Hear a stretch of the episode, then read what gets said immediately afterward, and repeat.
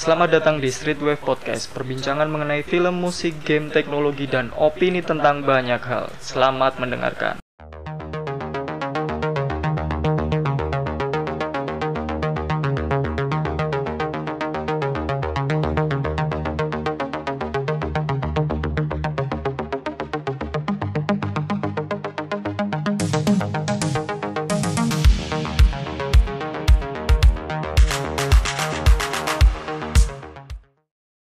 Streetwave Podcast episode kelima. Kali ini kita ada di segmen Street Sound. Di,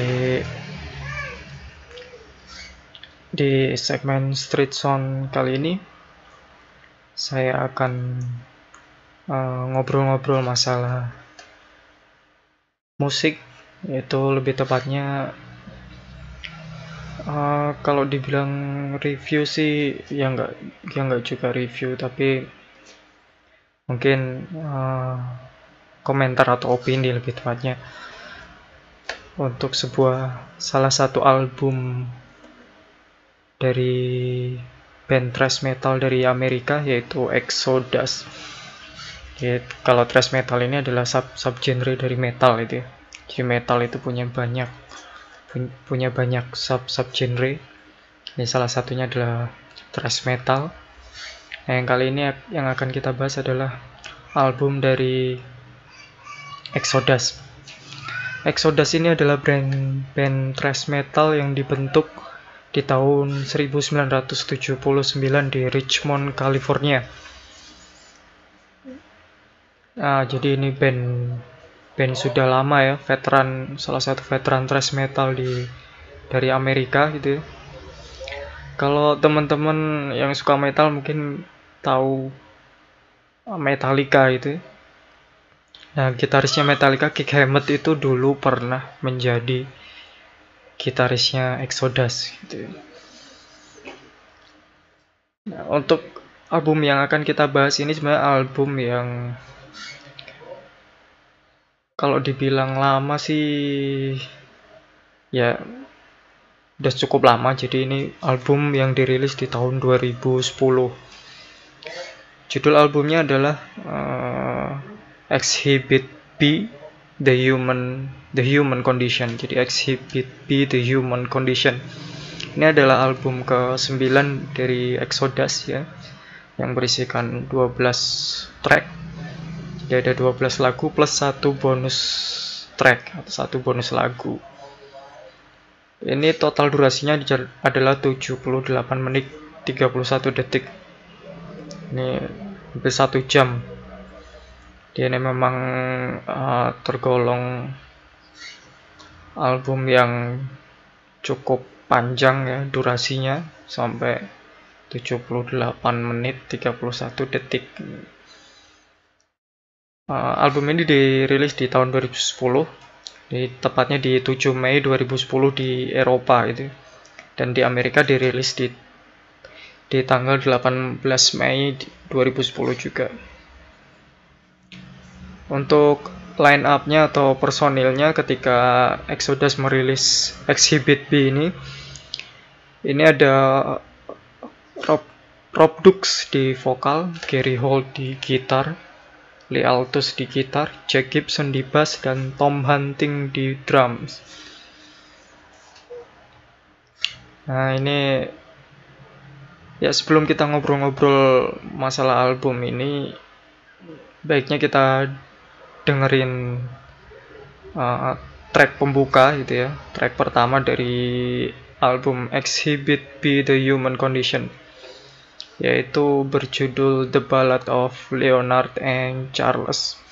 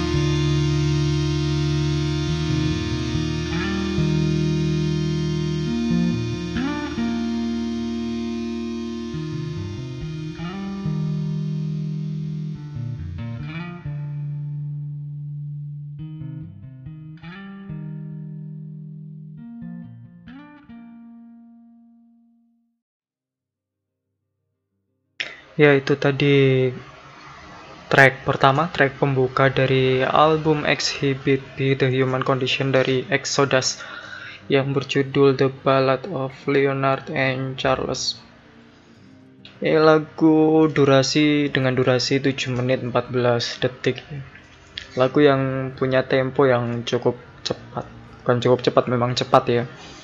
Jadi awal dengan intro akustik gitarnya yang kalau menurut saya sih uh, menginspirasi ya dengan dengan uh, dengan jenis musik yang seperti ini tapi Exodus mampu me membawakan sesuatu yang melodius gitu ya di intro akustik gitarnya.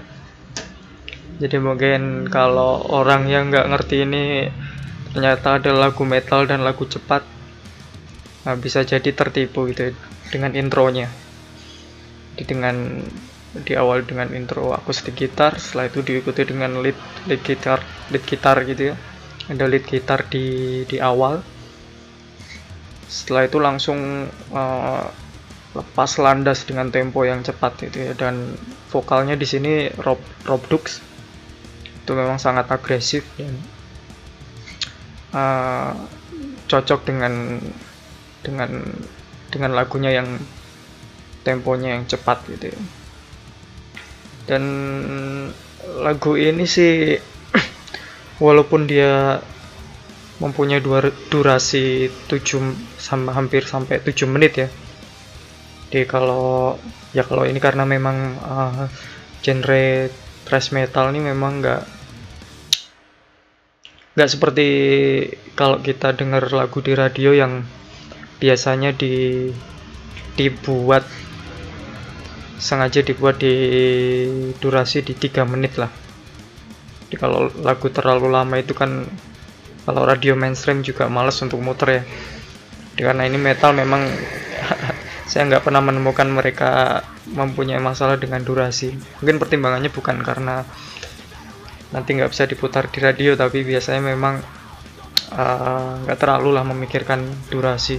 Mau yang panjang juga ada mau yang pendek juga ada gitu ya tapi lagu ini uh, lagu track pertama ini The Ballad of Leonard and Charles ini nggak kerasa ya di walaupun dia di 7 menit tapi kerasanya uh, singkat kalau saya me mendengarkan. Jadi karena memang uh, dia punya apa ya transisi yang smooth gitu ya.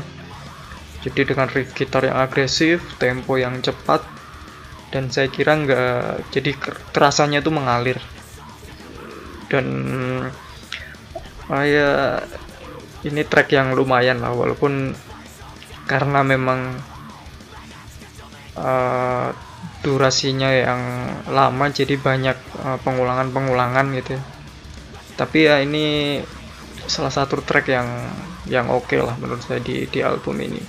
Di pembuka yang yang cukup cukup kuat lah jadi ketika awal album dibuka dengan lagu dengan tempo yang agresif tempo yang cepat dan feelnya feel feel agresif gitu ya setelah itu untuk uh, liriknya sendiri. Jadi ini judulnya memang The Ballad of Leonard and Charles. Kalau isunya sih yang saya dengar, jadi lagu ini menceritakan uh, kisah nyata. Jadi kalau di bagian liriknya ada ada kata-kata ini. Uh, they turn they turn a small town in northern California into the horn of the dam jadi Exodus ini menceritakan kisah nyata bagaimana ada dua orang psikopat di di California Utara yaitu memang namanya Leonard and Charles. Jadi orang psikopat uh, dia dia ini membunuh anak-anak dan ya namanya juga psikopat yang melakukan uh, sesuatu yang sadis gitu. Nah ini di nggak tahu alasannya kenapa tapi mereka me membawakan tema itu. Jadi uh, diinspira terinspirasi mungkin dari kisah nyata seorang pembunuh gitu ya, seorang psikopat. Dan kalau liriknya dilihat sih memang sangat uh, to the point gitu ya, nggak ada uh, metafora atau apa pun. Jadi memang uh, menggambarkan uh, kekejaman dari seorang Leonard dan Charles. Kalau yang tertarik mungkin dengan dengan fakta apakah benar ada seorang psikopat di Northern California bisa bisa cari-cari infonya lah. Tapi saya pernah menemukan bahwa ini memang kisah nyata dan Exodus terinspirasi dari itu. Untuk untuk liriknya sendiri sih seperti yang saya bilang tadi ya to the point. Jadi memang di sini lebih meng menggambarkan atau mereka Exodus ini mencoba menggambarkan uh, betapa kejamnya Leonard and Charles gitu ya dan juga uh, sesuai dengan dengan lagunya sendiri ya dengan tempo yang cepat agresif vokal juga agresif jadi mengempasis lah ya mendukung uh, tema dari liriknya itu. Dan kalau dibaca-baca liriknya ya uh, nggak uh, terlalu banyak. Kalau membaca ini memang ya to the point aja nggak nggak nggak usah terlalu banyak interpretasi. Dia memang menitik beratkan menggambarkan uh, kesikopatan dari Leonard and Charles oke lanjut aja ke track kedua dari album ini yaitu adalah Beyond the Pale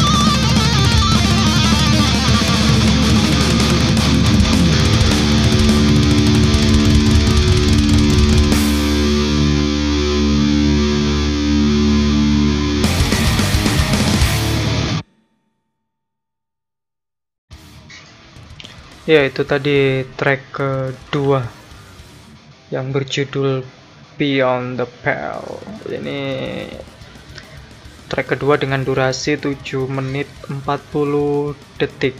Ya. Kalau ini memang terasa terasa lama ya lagunya. Jadi nggak seperti di yang track pertama The Ballad of Leonard and Charles. Di track kedua Beyond the Pale ini terasanya sih lama itu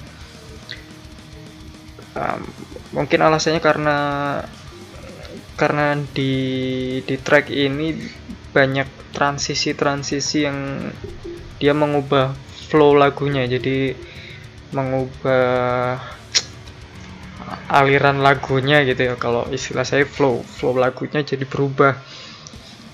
Sehingga uh, di durasi 7 menit ini kita akan merasakan Eh, perubahan-perubahannya sehingga kerasanya lama nggak jadi nggak uh, smooth mengalir dari awal sampai akhir gitu ya. Ini bukan sesuatu yang jelek tentunya karena bisa jadi dengan dengan cara ini uh, Exodus pengen ya menjadikan lagu yang punya durasi lama tidak membosankan gitu ya. Jadi ada pergantian suasana mungkin karena pergantian tempo dengan ada apa transisi-transisi yang berbeda gitu ya. Jadi ketika uh, intronya ini kan langsung menghantam jadi langsung uh, dibuka dengan uh, apa dengan riff gitar yang uh, kalau istilah saya sih langsung menghantam gitu ya langsung. Jadi kayak orang nggak uh, pakai salam atau permisi dia langsung uh, langsung gas aja ya. Terus dibarengi dengan lead gitar juga. Nah terus ada transisi di awal dengan tempo yang lambat ya sebelum masuk ke ke apa? Ke riff utamanya mungkin. Nah setelah itu di tengah-tengah juga ada ada bridge dengan drum roll itu ya. Nah ini memang ketika riffnya sudah mulai membosankan jadi memang kalau di Beyond the Pale ini terlalu banyak diulangi jadi riff-riff di awal untuk uh, riff utamanya ini memang ketika sudah mulai membosankan dia masuk ke bagian yang uh, nge-groove gitu ya. Nah ini kan ada transisi yang berubah. Jadi ketika awalnya cepat gitu ya setelah itu ada bagiannya groove tapi dengan uh, riff riff yang catchy gitu ya. Jadi ini uh, ya kalau teman-teman yang senang dengan lagu-lagu yang mungkin banyak groove groovy gitu ya. Ini ada bagian-bagian groove-nya. Yang ya yang cukup catchy lah. Setelah itu di lead gitarnya lead gitarnya si tipikal tipikal thrash metal ya jadi cepat gitu ya. Cepat dengan uh, dengan beberapa ketukan dengan banyak nada yang kalau saya sih preferensi pribadi saya sih nggak terlalu suka dengan model-model lead kayak gini. Jadi dia kayak cuma ya sambil lalu lah. Walaupun dia me membuat lagunya berkesan agresif dan apa ya chaotic gitu ya. Jadi seperti sangat wah kacau ya. Jadi ya chaotic gitu. Misalnya kacau gitu tapi kacau dalam arti mungkin bisa jadi me, me, memperkuat memperkuat. Mungkin tema lagunya memang pengennya ada nuansa seperti itu. Setelah itu juga diikuti lagi dengan groove yang yang rasanya sih heavy ya berat gitu tapi kesan agresifnya nggak hilang. Nah ini yang uh, yang bagus juga dari lagu ini. Jadi dia punya riff riff yang ngegroove gitu ya riff riff gitar yang ngegroove tapi kesan agresifnya tetap ada gitu. nah terus yang menarik juga di bagian lead gitar terakhir nah ini memang beda dengan lead gitar yang pertama yang terasa chaotic jadi terasa kacau nggak beraturan tapi untuk lead gitar terakhir ini ya lumayan lah jadi dia ada memberikan nuansa di terakhir dan ya cukup melodius dan memorable mungkin ya. Itu yang ketika kita terakhir mendengarkan lead, lead gitarnya itu. Kalau untuk liriknya sendiri sih Beyond the Pale. Beyond the Pale ini dia bercerita. Jadi kalau dari dari judulnya ya jadi Beyond the Pale. Uh, ini mungkin uh, menurut interpretasi saya ini adalah tema tema utama ya tema utama di di album ini. Jadi mungkin inilah yang menggambarkan apa itu maksudnya exhibit B the human condition. Karena di sini ada kata ada ada salah satu uh, salah satu bait yang menarik. Jadi di pre-chorusnya jadi sebelum masuk masuk chorusnya atau refrennya dia ada kata-kata I know I know not that which I've become exhibit A in man's atrocity jadi dia Exodus ini me, merefer ke album sebelumnya jadi kalau di sini ada judul albumnya adalah Exhibit B ternyata memang sebelumnya Exodus me, merilis juga album yang berjudul Exhibit A gitu ya itu Exhibit A kalau nggak salah Men's Atrocity gitu. nah kalau Beyond the Pale kalau saya saya cari-cari artinya itu ya memang uh, kalau dikatakan ini orang adalah orang yang hidup di luar uh, di, di luar kebiasaan yang diterima. Jadi di luar kebiasaan yang normal. Uh, kalau se se se sepenangkapan saya tentang Beyond the Pale ini uh, Exodus mencoba me menggambarkan di manusia yang yang inilah ya, yang hidup di luar moral code yang ada gitu ya. Di seperti kata-kata di di Beyond the Pale ini seperti ini. Uh, in this world of man they say I don't belong. Jadi uh, di duniaku ini uh, they say I I don't belong. Aku nggak nggak nggak cocok hidup di sini gitu ya. Tapi orang ini merasakan ya ya akulah di sini gitu ya di di sisi gelap kehidupan. Memang menceritakan uh, sisi sisi gelap manusia itu ya. Seperti di kata-kata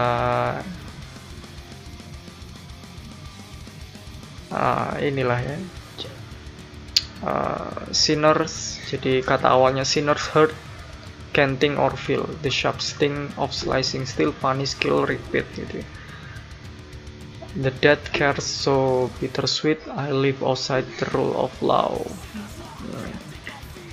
Jadi ya ini menggambarkan sisi gelap gelap manusia kalau uh, secara garis besarnya itu dan lirik se selebihnya adalah yang meng meng mengempasis mencoba menjelaskan.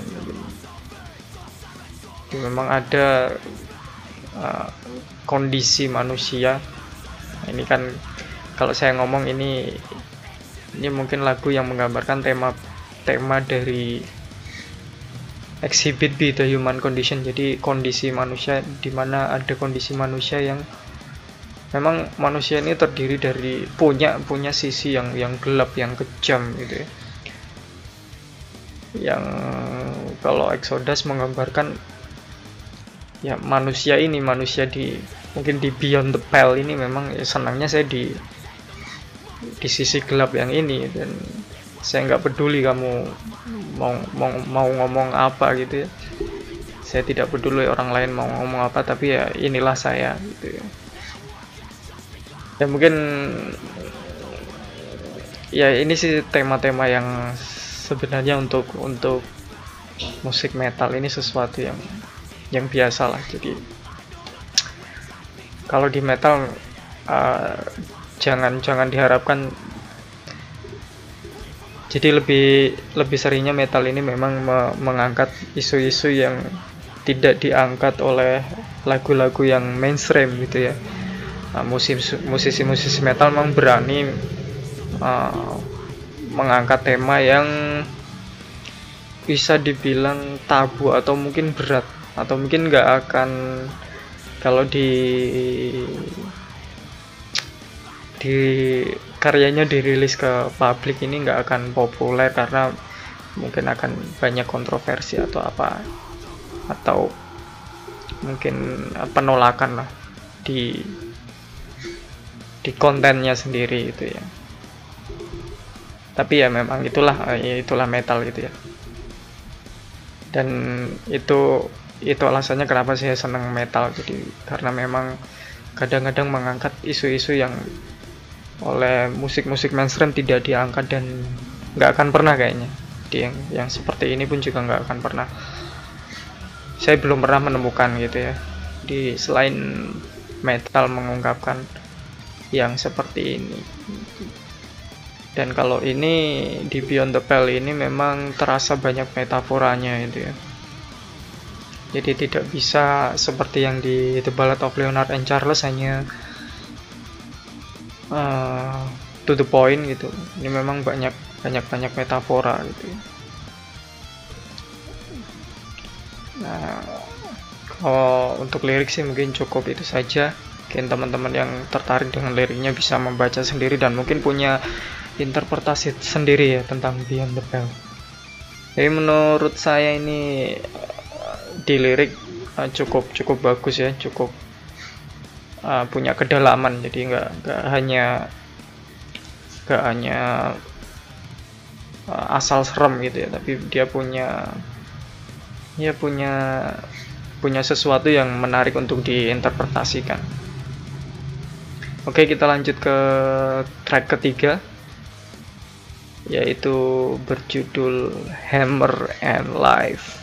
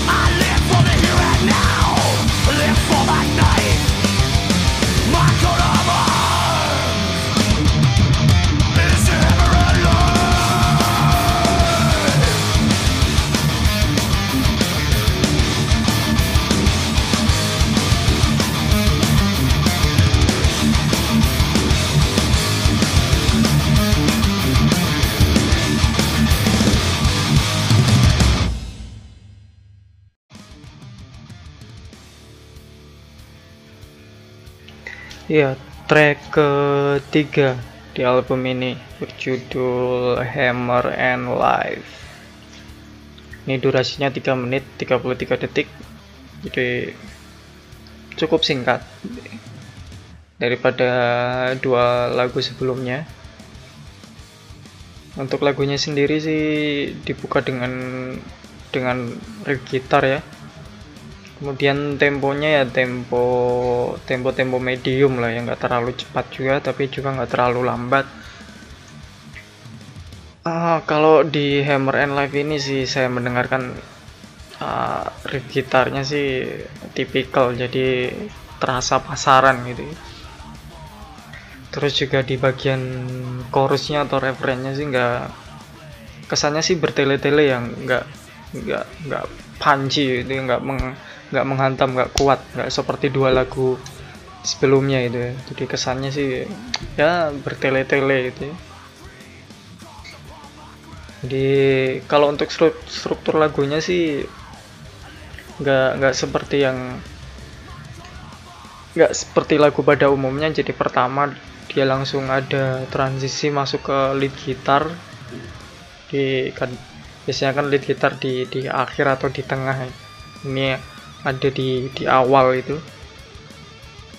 Tapi kalau untuk lagu ini sih dengan durasi singkat sih nggak terlalu nggak terlalu nyantol ya.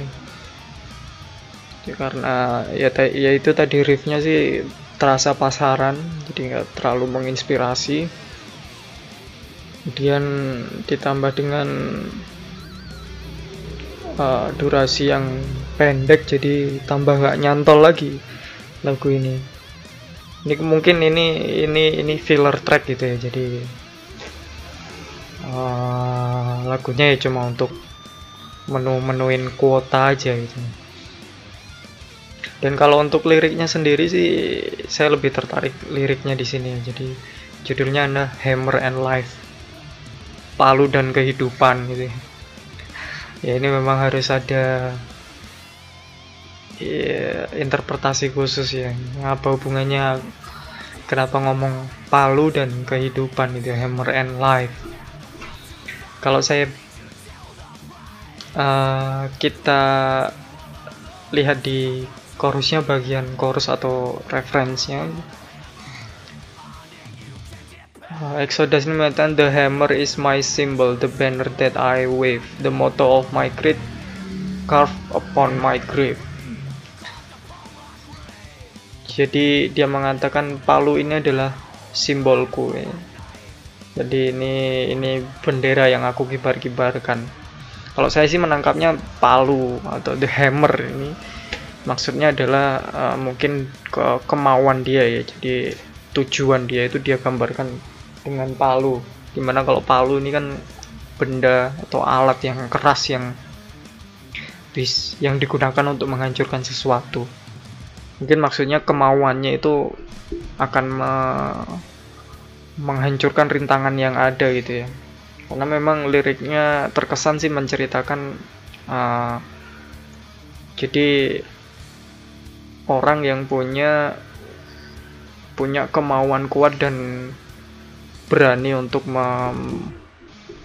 menghantam atau menghancurkan halangan yang ada atau mungkin sesuatu yang ya bertentangan mungkin ya bertentangan dengan apa yang dia yakini. Itu disimbolkan dengan hammer itu the hammer palu itu ya jadi.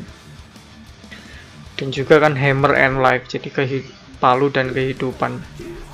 Jadi dia dia menjalani kehidupannya dengan mungkin dengan filosofi palu ya dia akan menghancurkan apa yang apa yang dia yakini harus dihancurkan dia akan me, me menabrak atau mungkin me, ya menghilangkan rintangan yang yang dia yakini harus harus di harus dihilangkan gitu ya. dan dia berani untuk melakukan itu walaupun mungkin uh, ongkosnya nggak murah jadi dia berani mati untuk me, me, apa me, mewujudkan apa keyak apa yang dia yakini. Kalau untuk lirik sih bagus ya. Uh, kontennya um, menarik punya punya kedalaman sendiri jadi punya kesan sendiri. Cuma memang di di lagunya memang ya ya kalau saya sih ngomong filler track gitu ya. Cuma buat nambah-nambah kuota. Jadi kelemahannya memang di di aransemen musiknya gitu. Tapi kalau untuk liriknya sih ya ya cukup menarik lah untuk di untuk di diinterpretasikan. Gitu. Oke lanjut ke track berikutnya yaitu track keempat yaitu berjudul Class Dismiss Ahead Primer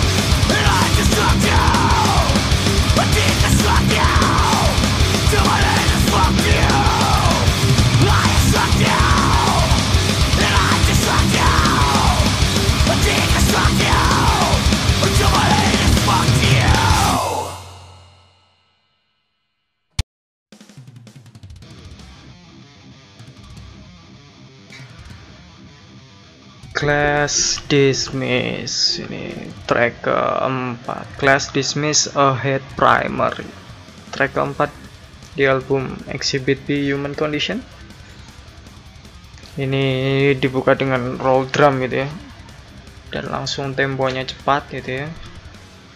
Kalau riffnya sih nggak rasanya sih bukan bukan agresif ya tapi dia uh, riffnya ini memacu adrenalin jadi ping, bikin pengen headbang aja itu tapi chorusnya sih aku kurang kurang kurang kuat ya kurang panci kurang menghantam. Dan juga nggak terlalu catchy juga itu ya. Uh, tapi ada transisinya di jadi setelah chorus setelah beberapa riff utama dia ada transisi yang agresif dengan uh, sedikit aksen-aksen di riff gitarnya gitu ya. Dan juga ada geng vokalnya jadi ada uh, mereka shout out bareng-bareng gitu ya teriak bareng-bareng. Hmm, kalau saya menyebutnya sih geng geng vokal karena uh, teriak bareng-bareng itu kan geng geng vokal gitu ya.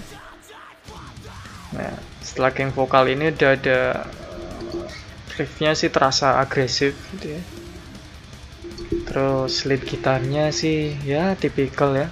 Cepat. Ini juga saya kurang kurang senang sih dengan dengan lead lead seperti ini. Ya cuma sambil lalu aja. Nggak memorable gitu ya. Tapi setelah setelah lead gitar ini ada ada beberapa part yang riffnya sih catchy gitu ya. Jadi dia ya bisa dibilang agak ngegroove tapi catchy lah ya. Jadi pas didengerin langsung nyantol gitu. Dan Class Dismiss Ahead Primer ini di durasi 7 menit 15 detik. Kalau untuk lagunya sendiri sih karena chorusnya juga nggak terlalu panci banyak riff-riff gitar yang ya kalau mungkin cuma dengerin sekilas ya nggak nggak nggak terlalu nyantol itu tadi. Jadi hampir sama seperti track ketiga kalau menurut saya ini adalah filler filler track juga ya untuk di masalah lagunya. Tapi kalau ya kali ini liriknya lagi-lagi menarik untuk di, dibahas gitu ya. Judulnya adalah class dismiss jadi kelas dibubarkan ahead primer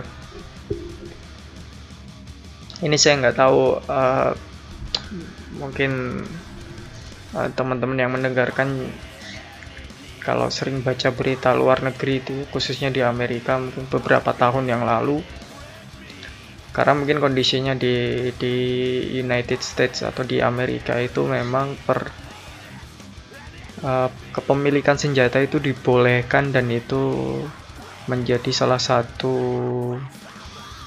salah satu bagian dari kehidupan dan itu di, dilindungi konstitusi. Maka beberapa tahun yang lalu saya kurang kurang ingat persisnya kapan tapi marak kasus-kasus uh, penembakan di sekolah gitu ya. Di mana uh, gak jarang gitu ya murid membawa senjata ke sekolah entah dia dapat dari mana tapi ya memang karena di sana diperbolehkan itu warga sipil untuk memiliki senjata atau untuk mempersenjatai dirinya atau mungkin keluarganya gitu ya. Atau mungkin di rumah punya sen senapan punya shotgun gitu ya. Kalau kita sering lihat di film-film yang punya latar belakang di Amerika gitu ya sering mereka di rumah nyimpan pistol punya shotgun gitu ya dipajang di ruang tamu atau di apa. Dan itu memang kenyataannya memang banyak yang punya gitu ya. Dan itu dilegalkan tentunya dengan ada ada regulasinya ya. Tapi mereka atau senjata-senjata ini memang dijual di di pasar gitu. jadi ada toko di pinggir jalan atau mungkin di salah satu tempat di kota ada toko senjata itu di Amerika sudah nggak nggak asing lagi. Beda mungkin di di Indonesia kan nggak nggak se sebebas dalam tanda petik sebebas itu.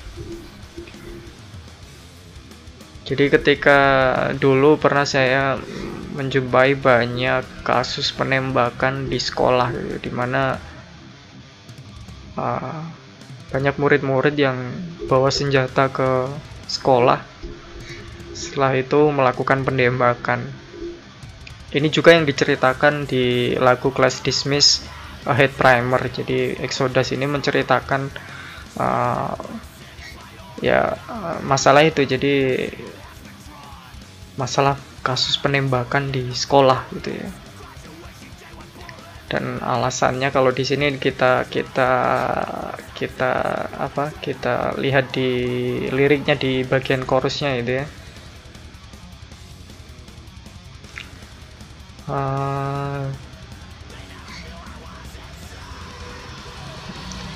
All I ever wanted was a little affection, but no one ever gave it to me.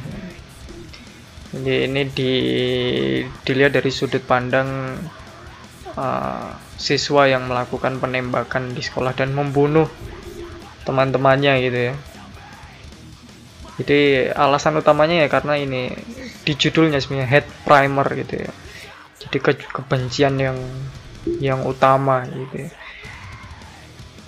Jadi kalau Exodus mengabarkan di sini ya karena kebenciannya terhadap lingkungannya ya, seperti yang saya katakan tadi all I ever wanted was a little affection. Jadi sebenarnya si si siswa ini pengennya ya ya sedikit diperhatikan tapi nggak ada yang pernah memperhatikan dia ya entah kenapa gitu entah mungkin dengan berbagai alasan dan kondisi dia nggak nggak dapat affection gitu ya. Little affection liter uh, sedikit perhatian. Jadi sedikit pun nggak dapat dari lingkungannya sehingga dia uh, menjadikan itu jadi dia nggak serak dengan lingkungannya. Lama kelamaan numpuk jadi kebencian gitu ya. Dan dibarengi lagi dengan akses senjata yang yang ya kalau di sana sih jadi mungkin lebih mudah gitu ya daripada di sini gitu ya. mungkin aja dia bawa senapan atau senjata orang tuanya di rumah nggak tahu gimana dia bawa ke sekolah dan terjadilah tragedi penembakan gitu dan itu nggak sekali dua kali saya baca kasus itu jadi sering sangat sering bahkan menjadi krisis kalau yang satu jadi jadi krisis jadi mereka di Amerika sempat ada krisis senjata gitu ya di mana senjata ini ya di, dilindungi undang-undang karena itu bagian dari sejarah mereka. Jadi ketika mereka jadi ketika Amerika ini me, di ketika perang kemerdekaan gitu ya jadi ketika perang kemerdekaan ini kan ra, uh, warga sipilnya itu punya hak untuk punya senjata ya untuk yang pertama untuk melindungi mereka dan yang kedua ya untuk me membela negara mereka ya. Mereka butuh senjata dan karena itu bagian dari sejarah mereka maka itu jadi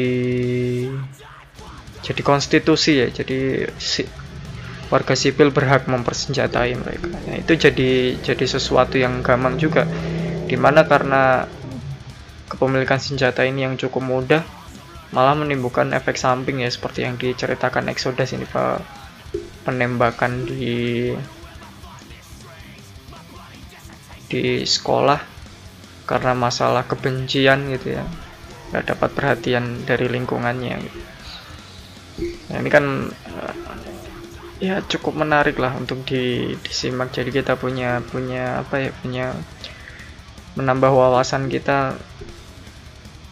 Jadi oh ternyata begini ya uh, ada ada sesuatu yang lingkungan yang berbeda di di belahan dunia lain gitu ya. Dan juga dengan masalah kekompleksan yang masalah kompleks yang berbeda juga gitu. Dan Exodus mengangkatnya di lagu Class Dismiss Ahead Primer jadi itu itu garis besar dari untuk dilirik di lagu ini gitu. Nah, tapi untuk lagunya sih ya itu tadi. Jadi kayaknya sih cuma filler track juga untuk mengisi kuota uh, eh, 12 lagu atau memang niatnya mungkin mungkin itu ya. Exodus pengennya sih uh, apa ya merilis lagu 12 lagu kemudian ya ya nggak tahu juga alasannya tapi ini kerasanya sih cuma filler track cuma buat menu-menuin kuota aja. Tapi untuk liriknya sih bagus. Ada tema. Ya seperti yang saya katakan tadi seringnya musisi metal me mengangkat tema-tema yang kalau yang seperti ini kan nggak nggak jarang ya diangkat di musik-musik mainstream gitu.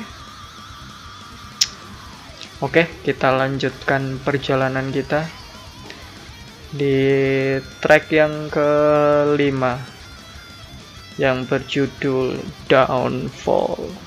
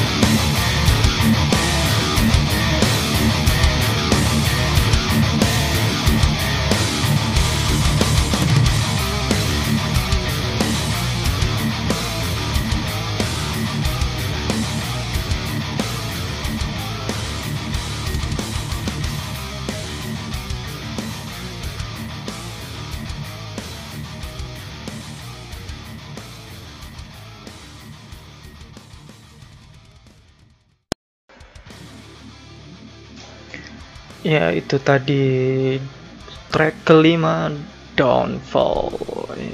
Dibuka dengan lead gitar yang melodius gitu ya. Setelah itu riffnya ya groove, groovy tapi nuansanya sih agresif jadi kerasa uh, ngegroove tapi menghantam gitu. Jadi apa ya? Ya itulah itu ya. Kalau saya sih nyebutnya sih seperti itu kemudian temponya tempo drumnya itu sedang tapi riffnya agresif gitu ya. kemudian di bagian chorusnya juga catchy gitu ya ketika dia berteriak downfall itu itu salah satu bagian yang catchy gitu nah, terus dia ada transisi yang yang berat juga jadi di transisinya kan ada ada bass gitu ya bass bass part bagian bassnya itu yang membuat dia um, terasa berat gitu ya. Itu juga ada ada geng-geng geng vokal di sini jadi shout out bareng-bareng gitu. Itu menambah nuansanya jadi apa ya kalau ada ada yang pakai geng vokal nih kelihatan rame gitu lah ya. Kemudian lead lead gitarnya ya ini lumayan lah ini lah. Di di lead gitarnya ya nggak nggak nggak kayak tipikal-tipikal cepat chaotic kacau ini lebih melodius dan memorable gitu ya.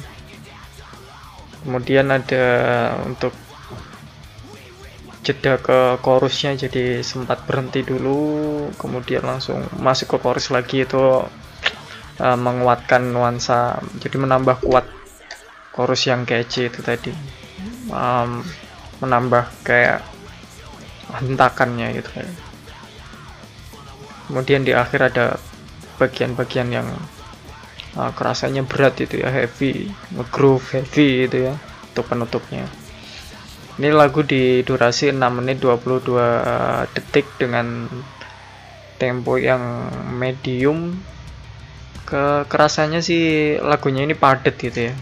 6 menit itu kerasa padat sekali kerasa banyak yang terjadi di di di di, wak, di durasi 6 menit ya. jadi 6 menit 22 detik kelihatan padat. Dan untuk drumnya sih di lagu ini si Tom Hunting ya kalau nggak salah. Drummernya di album ini dia berhasil um, membersamai riff-riff gitarnya sehingga walaupun temponya medium tapi tetap terkesan agresif gitu ya. Itu untuk lagunya. Dan liriknya juga ini yang salah satu yang saya sukai. Jadi ketika saya baca liriknya downfall ini bercerita tentang uh, runtuhnya suatu peradaban itu. Dia dia ngomong downfall itu ya. Jadi udah down itu fall. Jadi dia kayak uh, menghiperbola lah ya, downfall. Uh, dia dibuka dengan kata-kata crumbling empire where angels fear to tread into the ruins of civilization civilization. Jadi ini uh, secara garis besar tema temanya adalah Exodus di sini menceritakan tentang suatu runtuhnya peradaban. Dan tema runtuhnya peradaban ini memang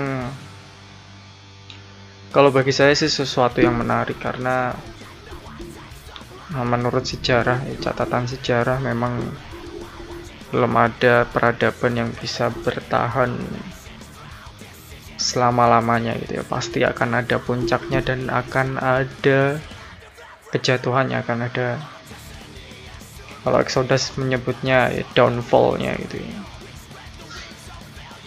Uh, terus ada ada bait yang menarik juga ini jadi Exodus mengatakan like Sodom and Gomorrah forsaken and alone.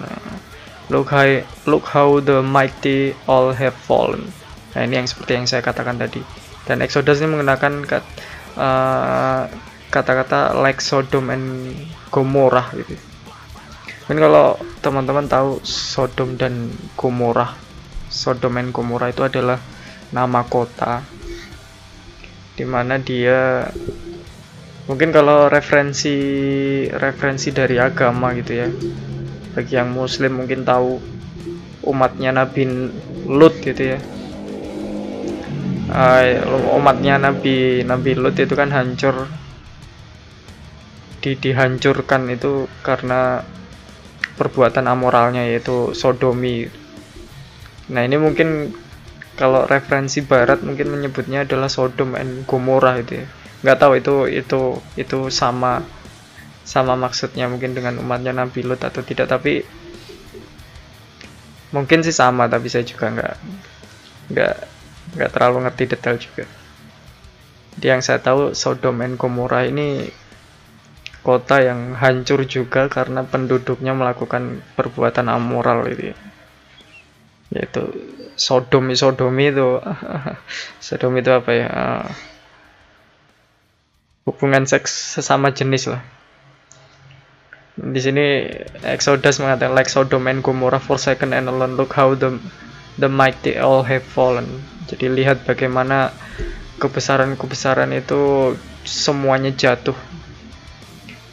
Terus dilanjutkan we reap what we have sown what we have sown sown itu ah gimana bacanya? When all the marble palace pokoknya intinya adalah kita menuai apa yang kita tanam gitu. Jadi ini hancur mungkin ya gara-gara perbuatan kita sendiri. Jadi bisa dibilang mungkin kehancuran peradaban itu ya gara-gara ulah orang yang membangun peradaban itu sendiri atau menjalankan peradaban itu sendiri. Ini kata-kata yang menarik di lagu Downfall ini setelah itu ada juga uh, bait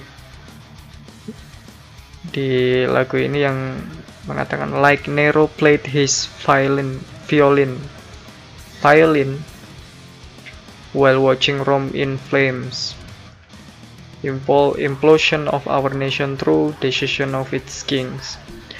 Downfall of our creation it's the end of everything. Like Nero played his violin Nero kalau teman-teman yang tahu sejarah kerajaan Romawi ini Nero ini salah satu kaisar jadi punya sal punya salah satu kaisar yang namanya Nero itu ya. Nah di sini Exodus menggambarkan secara menarik gitu ya. Jadi seperti Nero ketika bermain violin nah, sementara melihat Roma terbakar gitu ya. Implosion of our nation through decision of its kings. Jadi karena keputusan-keputusan elit-elitnya yang di sini dia mengatakan keputusannya Nero ini membuat Roma hancur itu while watching Rome in flames. Jadi elitnya enak-enak aja tapi bangsanya hancur gara-gara keputusan yang diambil oleh decision of its kings ya. Jadi karena keputusan-keputusan rajanya ya kalau rajanya sih enak-enak aja ya. Nah, tinggal perintah tapi akibatnya di ditanggung oleh seluruh bangsanya ini juga metafora yang menarik. Dan ini kalau liriknya lah ya top lah ini uh, Exodus ini mengembalkan tema tentang kehancuran kehancuran suatu peradaban ya dengan dengan ya bisa bilang ini lagunya sih bagus gitu ya jadi lagunya catchy jadi uh, memorable downfall tapi uh, konten dari liriknya ini me melebihi dari uh, bagusnya lagu di melebihi dari uh, kalau menurut saya sih melebihi dari sekedar lagunya. Jadi ini salah satu top track menurut saya. Jadi liriknya oke okay, punya kedalaman yang punya tema yang bagus jadi punya tema yang berat tapi bisa me menyampaikannya dengan dengan bagus dengan metafora-metafora yang saya contohkan tadi tapi lagunya juga catchy ya ini salah satu uh, recommended track gitu ya di album ini. Oke, kita lanjutkan di track ke-6 yang berjudul March of the Psychopaths.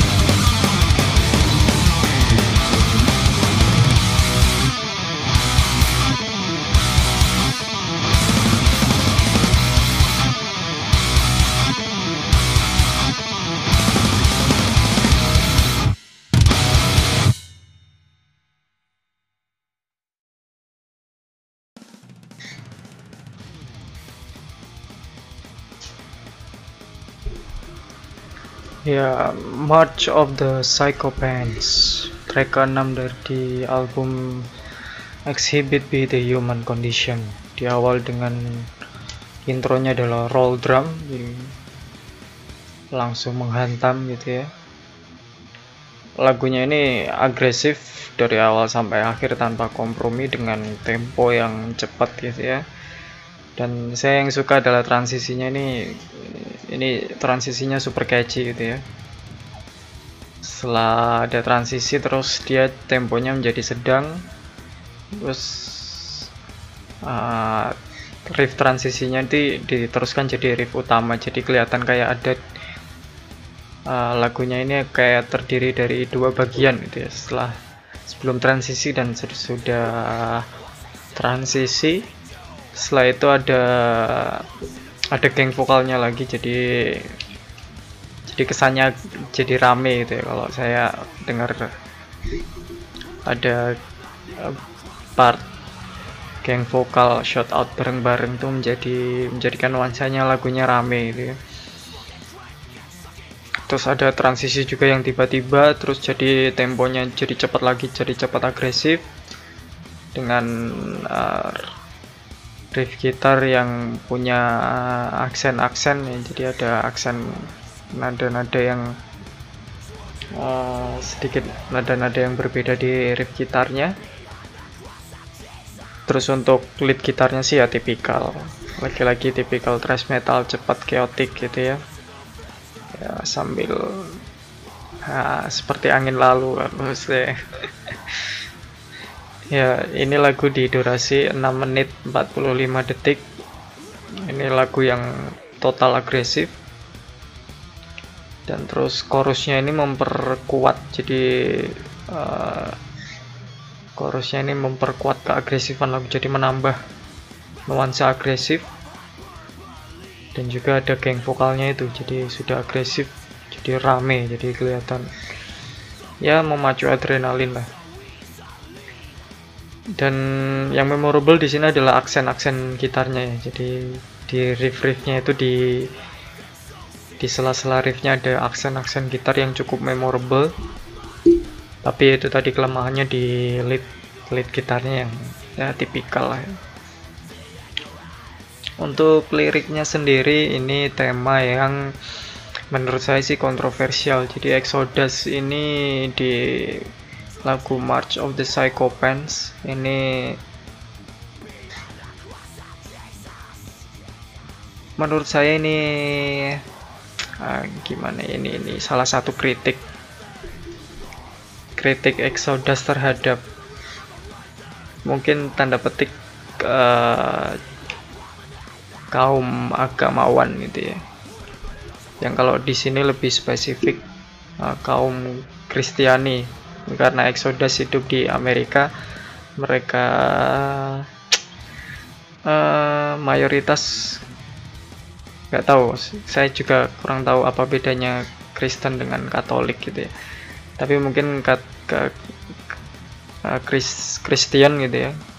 Kaum Kris kaum Kristen itu mayoritas di Amerika. Mereka nah Exodus ini mengkritisi dalam ya bukan dalam tanda petik memang mereka mengkritisi dan agak sedikit frontal di sini mereka mengatakan me melemparkan kritiknya. Jadi seperti di bait pertama jadi mulai lagu ini langsung mereka mengatakan do as they say not as they do march to the tune of the Christian rite. Jadi do as they say as they not as they do ini kalau menurut interpretasi saya menggambarkan kemunaf kemunafikan ya. Jadi di mana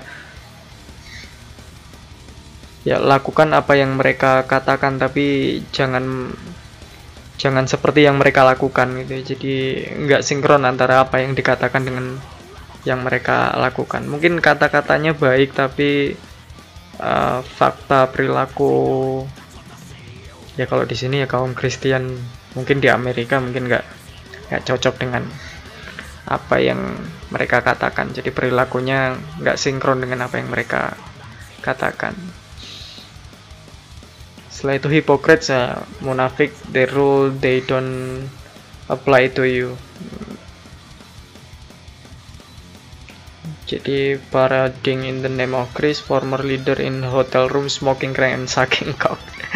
Cruelty as in yet innocent presume still they talk the talk. Jadi ini salah satu kritik pedas dan frontal kepada pemimpin mungkin ya former leader in hotel hotel room smoking grand sucking cock ya, ini salah satu ke, kelakuan yang amoral gitu ya para pemimpinnya. Cruelty as in yet innocent presume jadi ya sebenarnya sangat perilakunya ya termasuk mungkin dianggap dosa tapi ya tetap tetap laga nggak ngerti aja gitu ya. Ya seperti yang seperti yang saya bilang tadi ini kritikan yang sangat frontal. Setelah itu ada pre-chorusnya ada Christian soldier trudging off to war behind the cross of Jesus and still they march march in the march of psychopaths.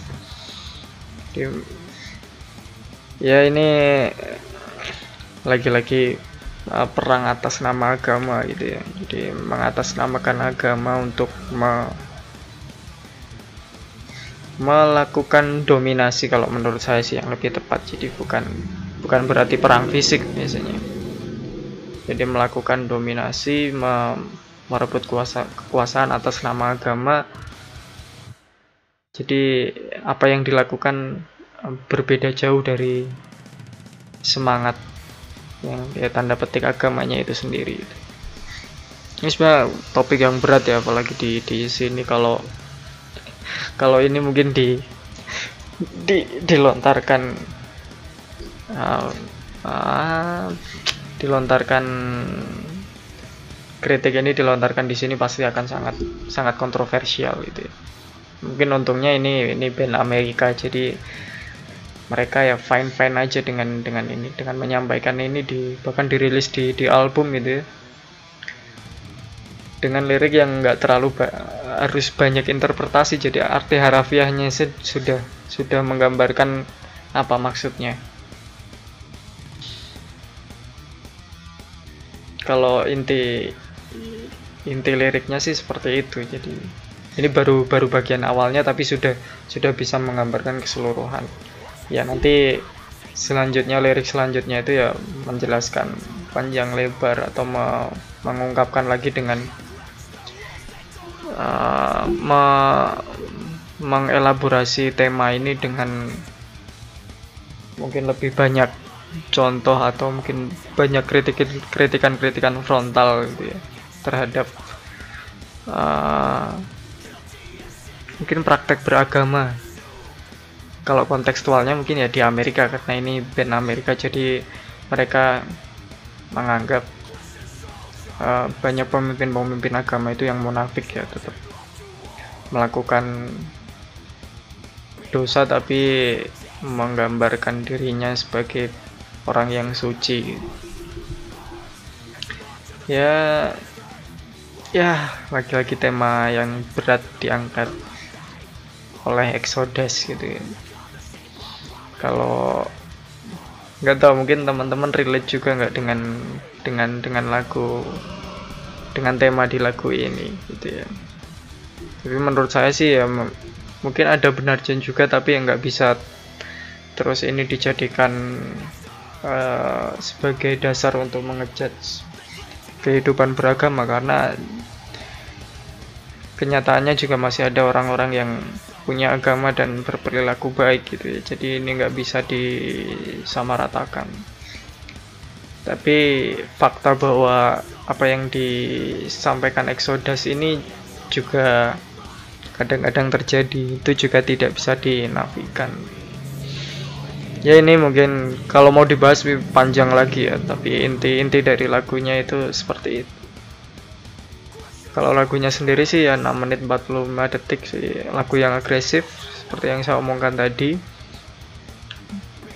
Dan lirik yang menarik juga untuk dibahas. Oke kita lanjutkan uh, perjalanan kita mendengarkan album Exhibit B The Human Condition dari Exodus. Ini kita masuk track ketujuh dengan judul Nanking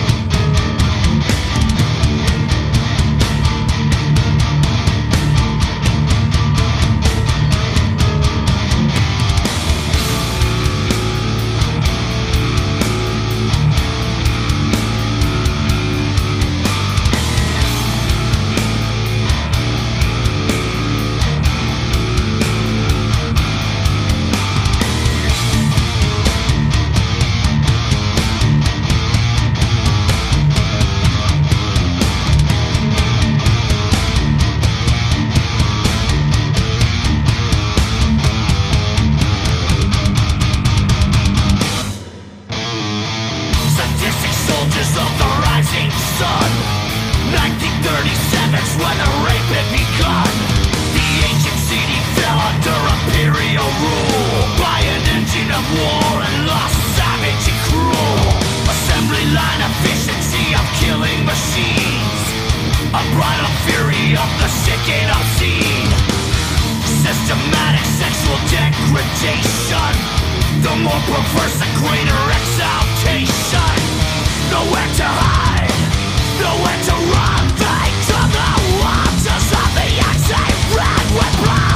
Cast aside Terrific horror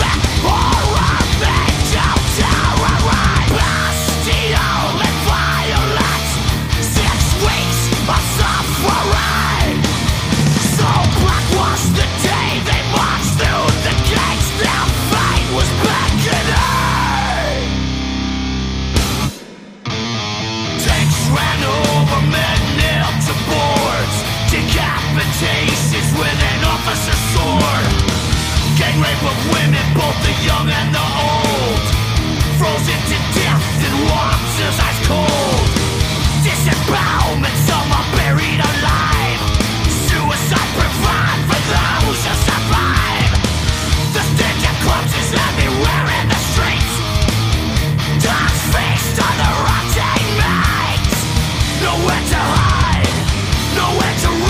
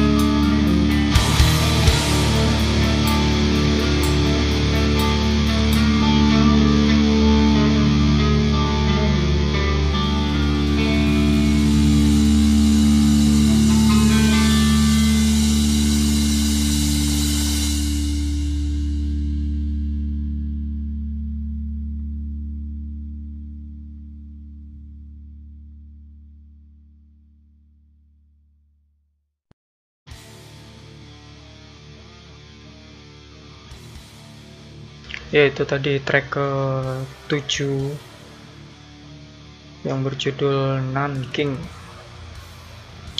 Ini lagu yang temponya lambat tapi rasanya groove gitu ya. Dibuka dengan riff gitar dengan aksen yang memorable.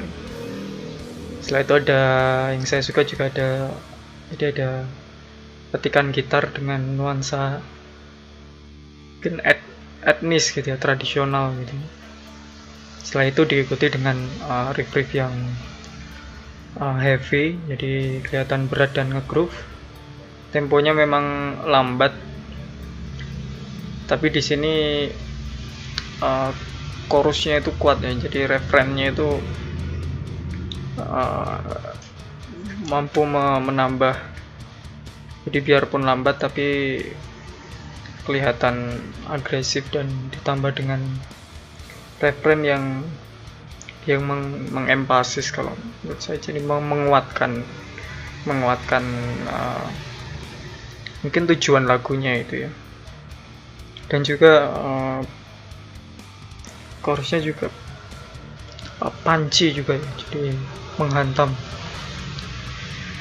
setelah itu lead gitarnya nih di sini melodius jadi nggak seperti nggak tipikal cepat gitu chaotic gitu ya. Tapi dia uh, melodius terdengar mungkin lambat di jadi temponya medium lah middle. Ya tempo-tempo sedang gitu ya. Lagu ini berdurasi 7 menit 22 detik ya terasa mengalir jadi flow. Tidak banyak transisi-transisi yang uh, mengubah flow lagunya. Dan juga memorable jadi banyak banyak, banyak riff-riff yang memorable lah. Setelah itu juga diperkuat dengan lead gitarnya yang bisa me menambah menguatkan suasana suasananya suasana lagunya gitu. Nuansa lagunya. Dilambat tapi tetap agresif untuk liriknya sih nah ini yang menarik menarik untuk dibahas. Jadi Exodus di sini mengangkat tema judulnya nih Nanking jadi ini kalau saya membaca ini bisa jadi ini lagu yang bisa menambah wawasan sejarah gitu. Di dulu di tahun berapa ya? Coba saya lihat dulu Nanking jadi di tahun 1937 yaitu di era-era Perang Dunia Kedua terjadi salah satu mungkin kejahatan perang gitu ya. Tragedi lah di di daerah yang namanya Nanjing gitu ya. Nanjing ini di China atau Cina. Itu terjadi pembantaian besar-besaran oleh tentara Jepang gitu ya yang ada di Cina jadi ketika uh, terjadi perang nih terjadi pembantaian massal gitu ya. Dan ini kalau orang barat men menyebutnya adalah rap rap of Nanking jadi karena mungkin nggak bisa ngomong Nanjing gitu ya. jadi mereka menyebutnya Nanking. Ini Exodus ini uh, memberi judul lagu ini Nanking. Jadi Nanking itu maksudnya Nanjing gitu ya. Nan Nanjing saya juga nggak tahu. Tapi kalau dari Wikipedia menulisnya lokasinya adalah Nanjing. Sementara uh, ada mungkin salah satu buku yang di ditulis mungkin oleh orang orang barat mungkin ya. Mereka menyebutnya Nanking mungkin karena ya translate-nya atau memang nggak bisa ngomong Nanjing gitu. Jadi kalau di liriknya sih intinya menceritakan itu jadi bagaimana kekejaman uh, perang gitu ya di pembantaian-pembantaian ini disebut jadi kalau liriknya sih lebih ke ke aktual di memberikan informasi aktual tanpa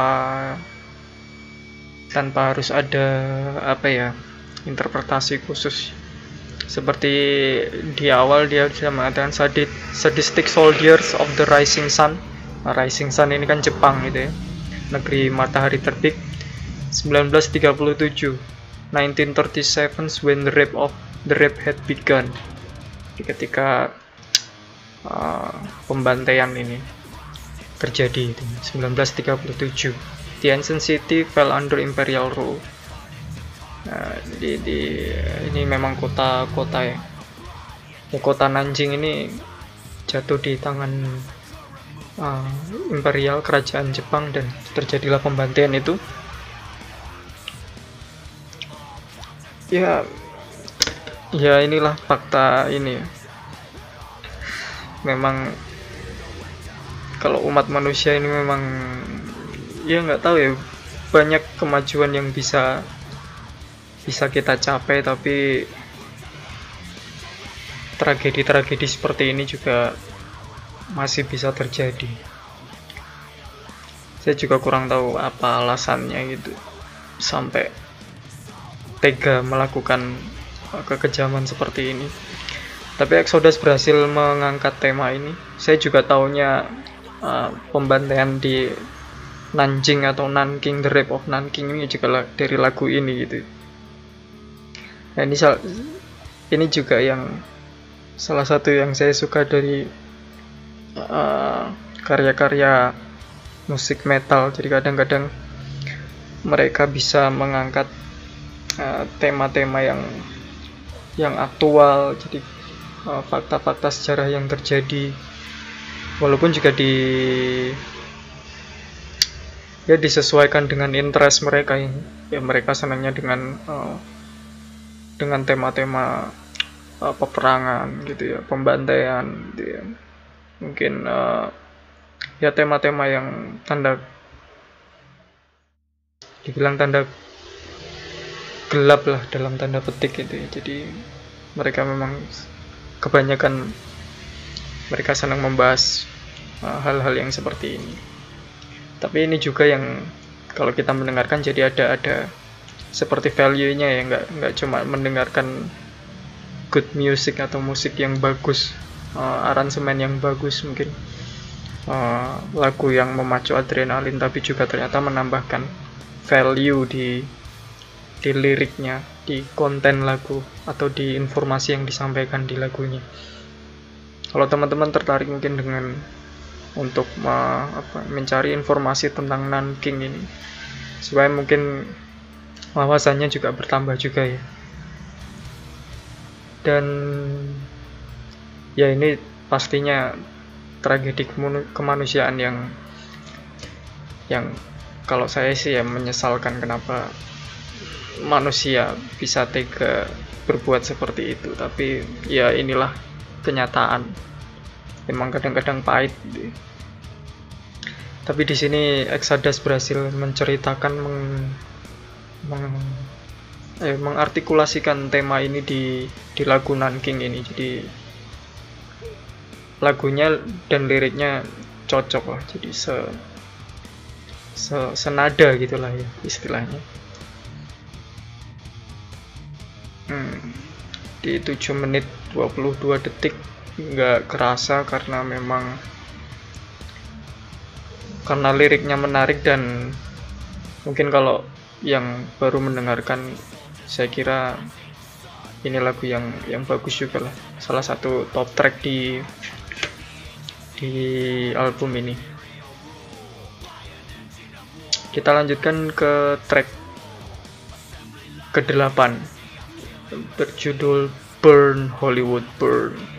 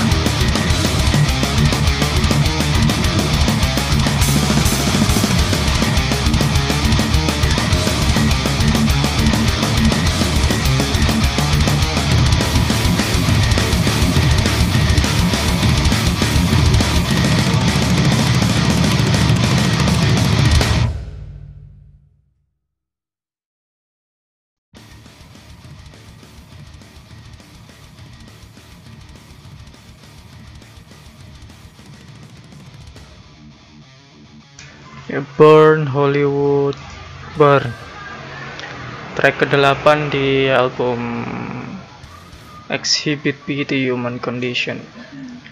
Dibuka dengan hentakan drum dan riff gitar.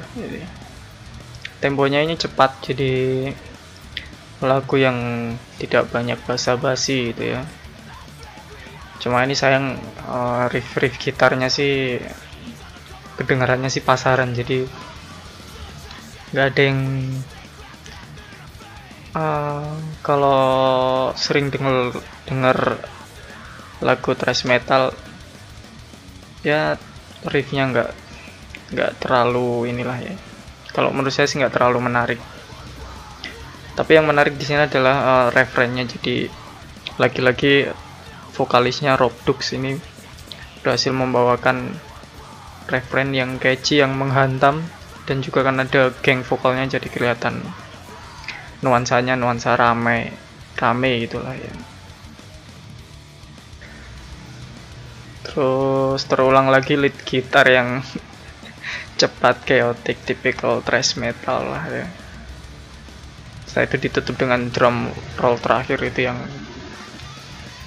ya ini menambah uh, menguatkan jadi penutup yang yang yang kuat lah yang kalau kita dengerinnya puas gitu berakhir dengan roll drum durr, ya. Itulah yang maksud. Mungkin ngerti uh, atau maaf yang uh, deskripsi saya.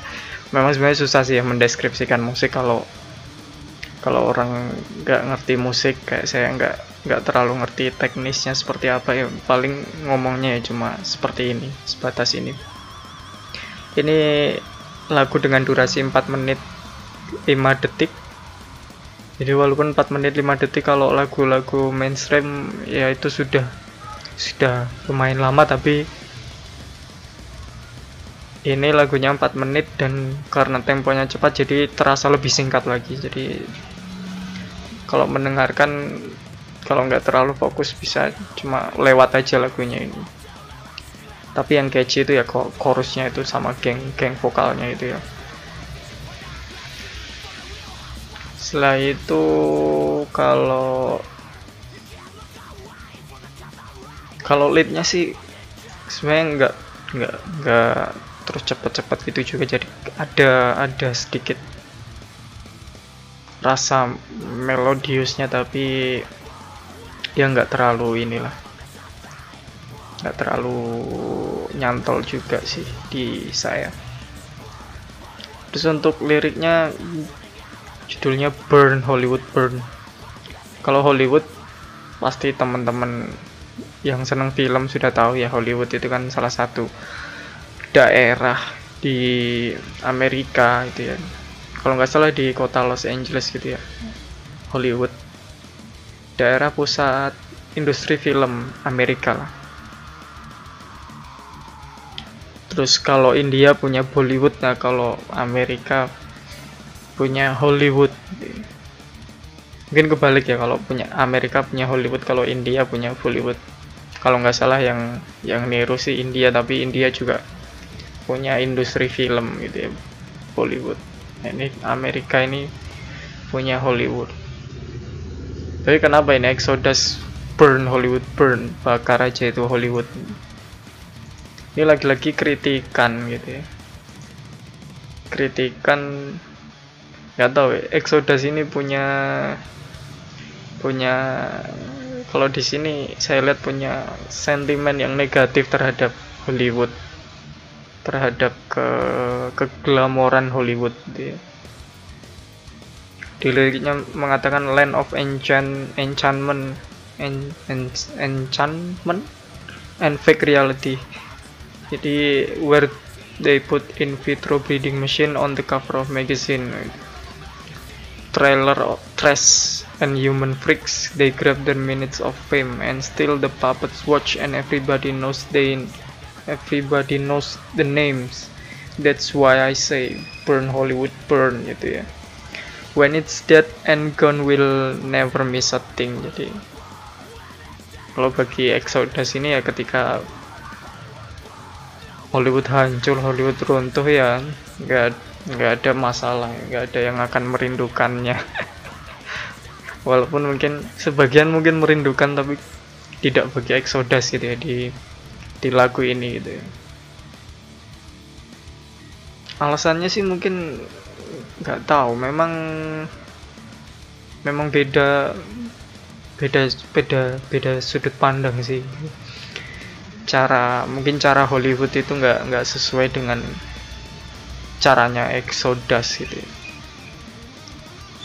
Terus ada yang menarik lagi juga di sini adalah so ada satu bait yang dan mengatakan so young beach and famous hotel hairs glamour queen. The only reason we know your name is bad night vision pornography ini nggak tahu kalau saya membaca lirik ini pasti asosiasi saya langsung ke Paris Hilton gitu ya. Uh, so young rich and famous hotel hairs ya Paris Hilton ini kan salah satu pewaris hotel hotel Hilton gitu hotel orang tuanya. Glamour queen the only reason we know your name is bad night vision pornography. Ya pernah punya kasus video porno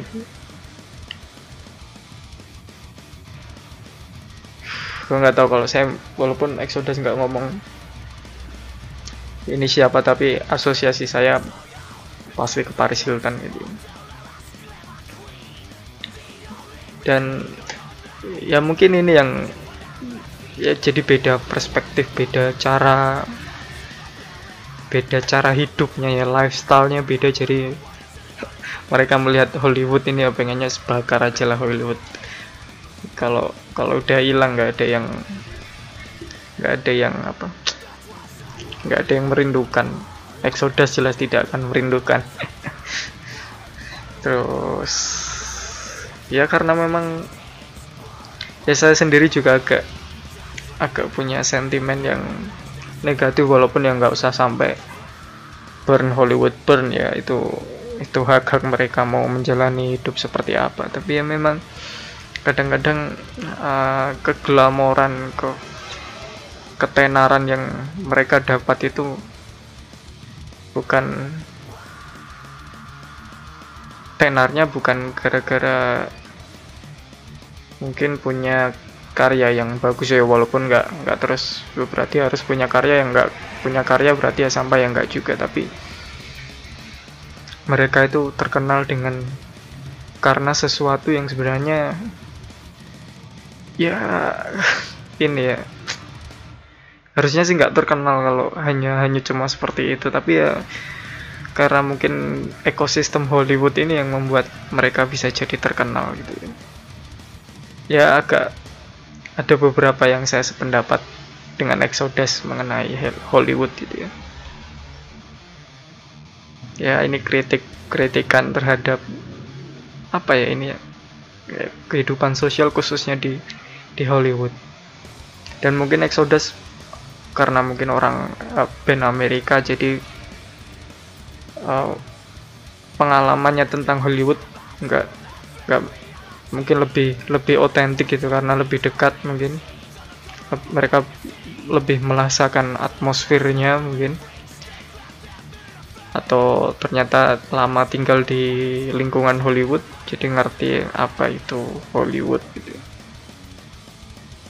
kritikannya lebih bagi mereka ini mungkin sesuatu yang harus mereka uh, sampaikan di bahkan mereka buat sebagai salah satu lirik di lagu mereka. Menarik untuk di, disimak. Oke ini karena lagunya singkat jadi ya opininya juga nggak terlalu panjang tapi yang menarik yang Paris Hilton itu. Jadi nggak tahu kenapa asosiasi saya pasti ke ke, ke Paris Hilton itu ya. Exodus ngomong itu Oke kita lanjutkan ke track berikutnya. Ini sudah di track 9 memang ini perjalanan yang panjang karena albumnya juga cukup panjang gitu ya. Track ke 9 berjudul Demo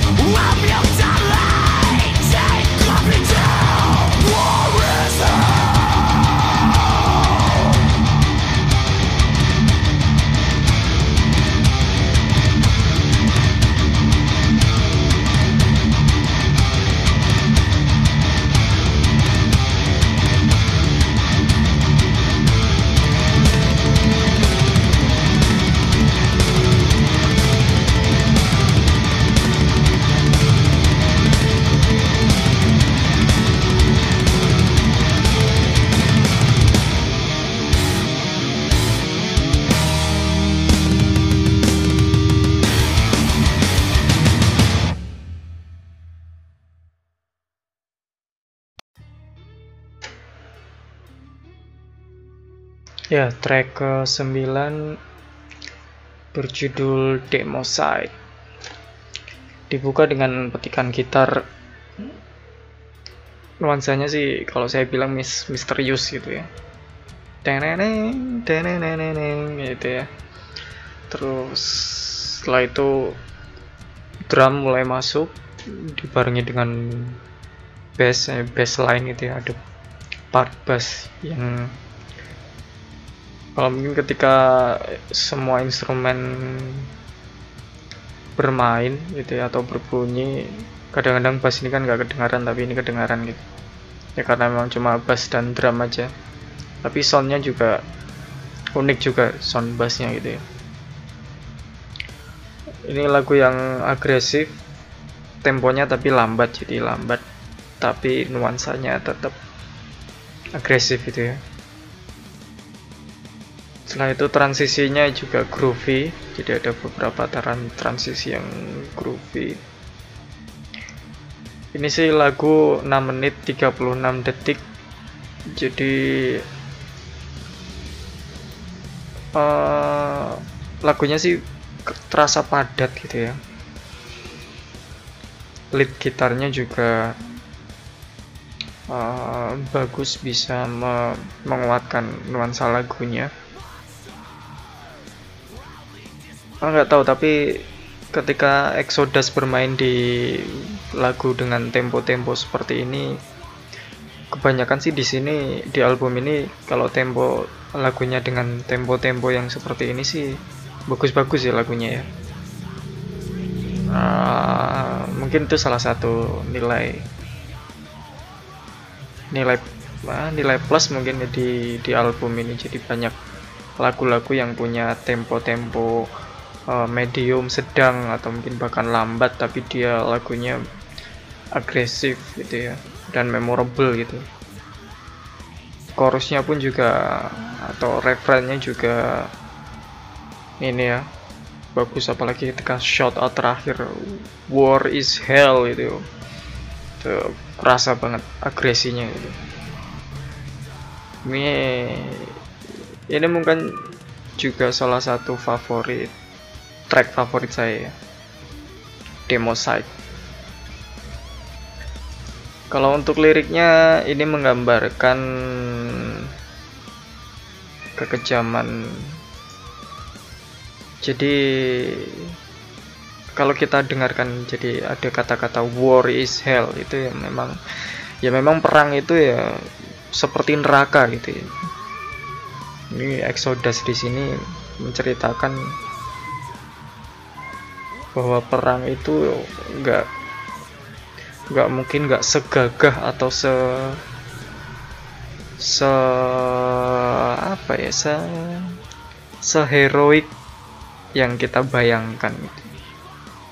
Kalau di demo set ini digambarkan perang itu yang neraka, bu.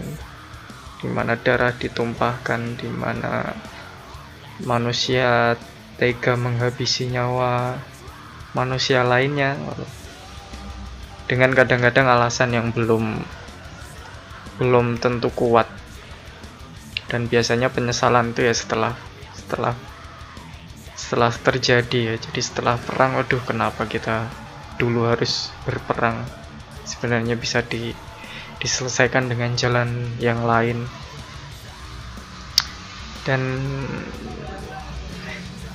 ya ya walaupun saya juga belum pernah punya pengalaman berperang gitu ya atau mungkin di di suasana peperangan itu seperti apa. Tapi kalau saya ya dengar-dengar cari referensi mungkin atau baca-baca artikel baca-baca buku tentang peperangan ya memang tidak se kalau saya menggambarkan tidak seheroik yang kita kira gitu. Itu ya ya ini kata-katanya tepat lah ini war is hell gitu. Perang itu neraka. Lah jadi kalau bisa nggak perang ya nggak usah perang karena perang itu ongkosnya mahal dan banyak yang harus dikorbankan. Di, jadi tentara itu bukan sesuatu yang yang gampang gitu ya.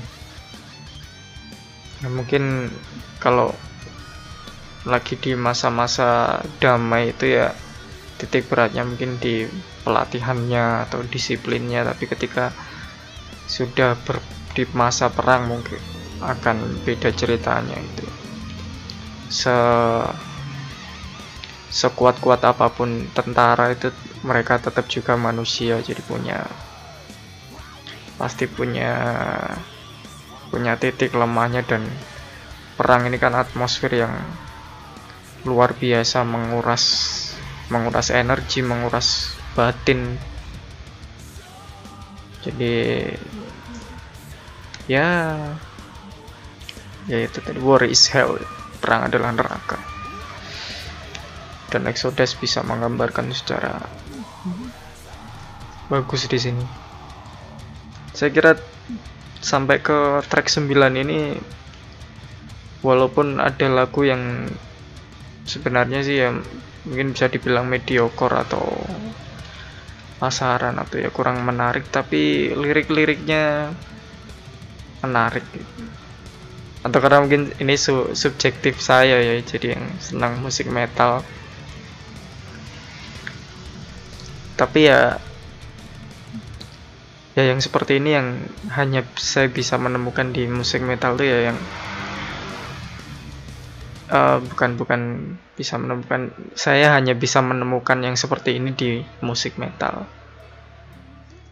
Tapi nggak tahu kalau ternyata ada uh, genre musik yang lain yang sama menariknya gitu ya. mungkin karena memang referensi saya aja yang kurang banyak atau kurang pengetahuan saya aja yang kurang luas. Dan kalau punya usulan atau punya opini lain tentang musik bisa juga disampaikan di komentar di bawah gitu ya. Bisa atau mungkin punya punya pendapat lain tentang lagu-lagu ini. Khususnya mungkin demo set ini. Kita lanjutkan ke track 10 The Sun is my destroyer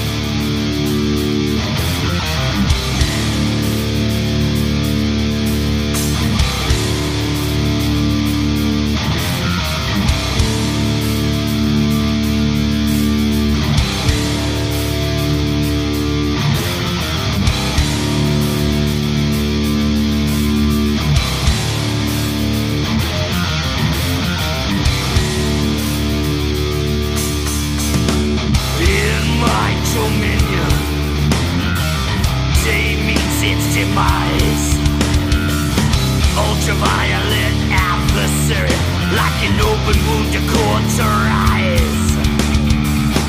The nights are still, yes, the coming of the morning sun. Antagonist, smash oblivion. I am God.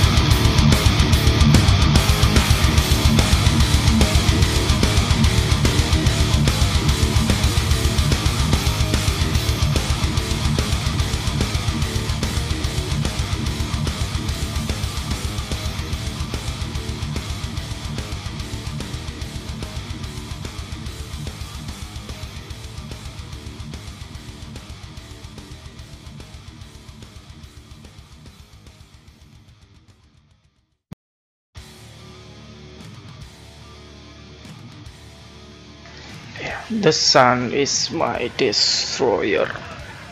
Track ke 10 Lagu Ini lagu 9 menit 33 detik. Hampir 10 menit tapi Saya dengerinnya nggak kerasa bosen. Jadi kayaknya ini Exodus ini agak bereksperimen karena saya me, me apa ya merasakan kalau struktur lagunya nggak seperti lagu-lagu yang yang lain gitu ya. Ya kalau bandingan singkatnya sih yang nggak seperti struktur lagu-lagu di album ini gitu ya.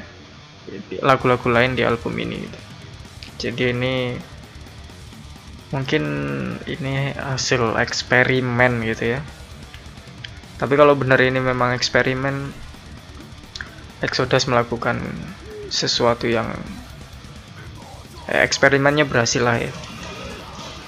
Jadi dengan uh, struktur lagu yang unik dibuka dengan apa? Dengan groove dengan riff yang groove yang langsung menghentak gitu ya. Setelah itu temponya cepat.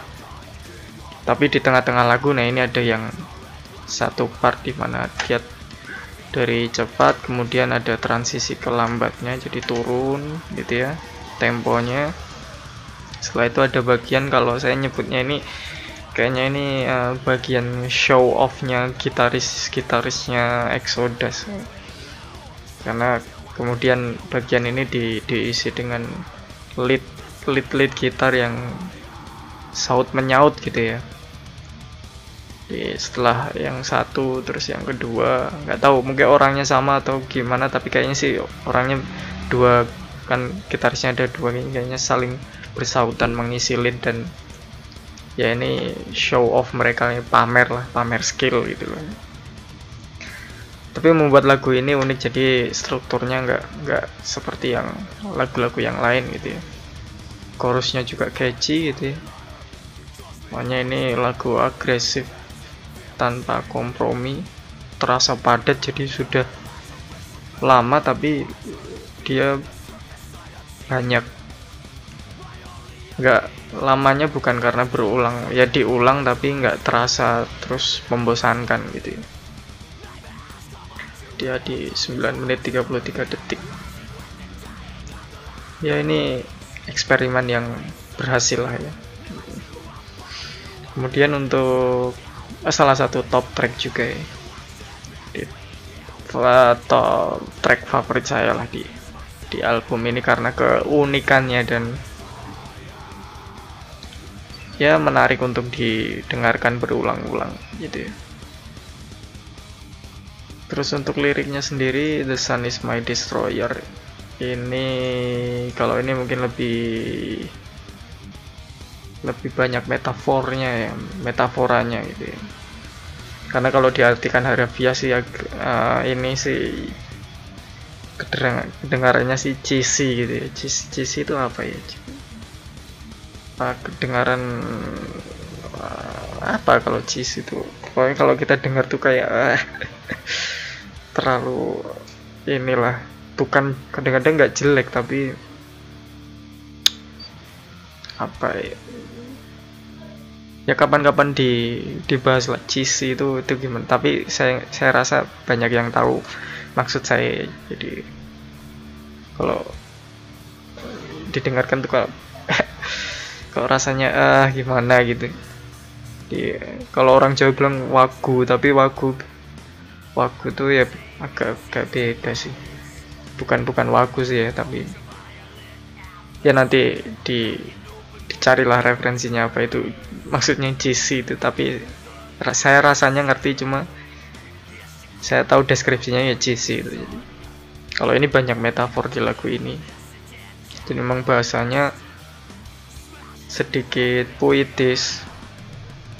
Kalau saya sih menangkap pesan dari lagu ini sih the sun is my destroyer jadi di kata-kata the night is my savior the sun is my destroyer ini menurut saya jadi Exodus ini menceritakan bahwa di dalam diri kita atau diri manusia itu ada ada ada ketakutan yang selalu menghantui kita. Jadi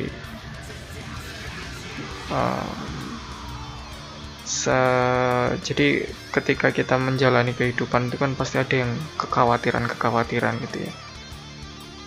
Nah kekhawatiran ini digambarkan di lagu ini dia menjadi ada di dalam diri manusia ada di dalam diri kita dan dia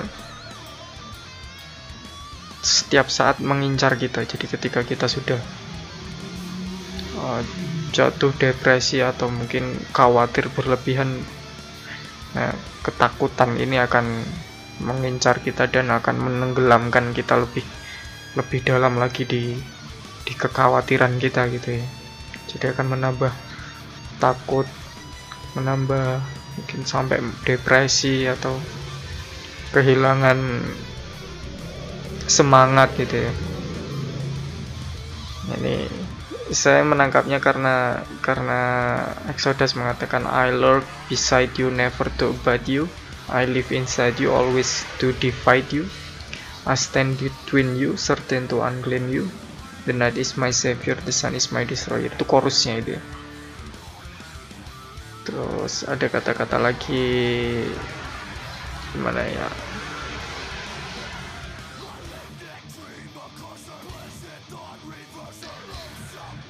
I in my dominion they meets its demise gitu.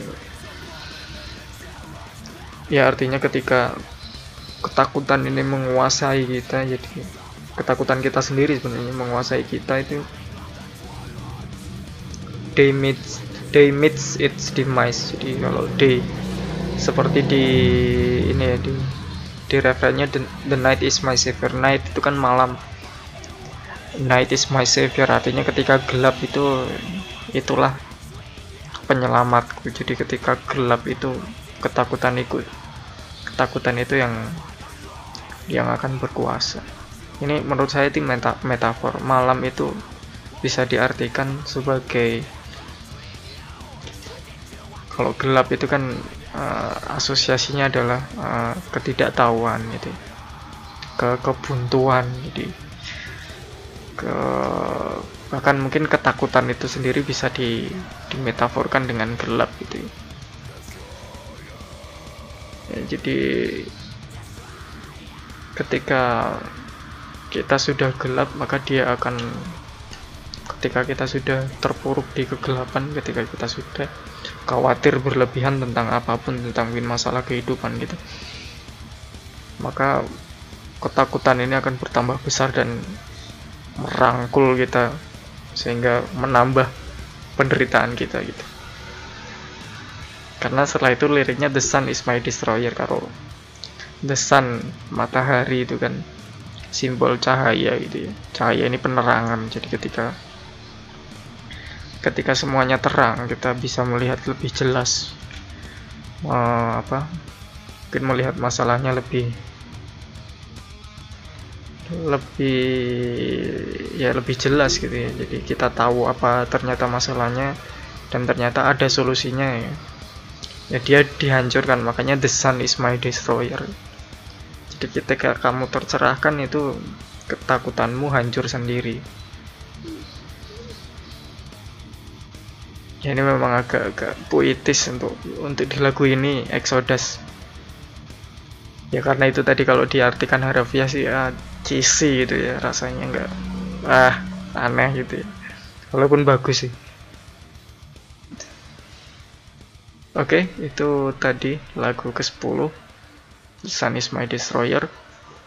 Kita lanjutkan udah mau mendekati akhir-akhir ini ya. Ini lagu ke 11 A perpetual state of indifference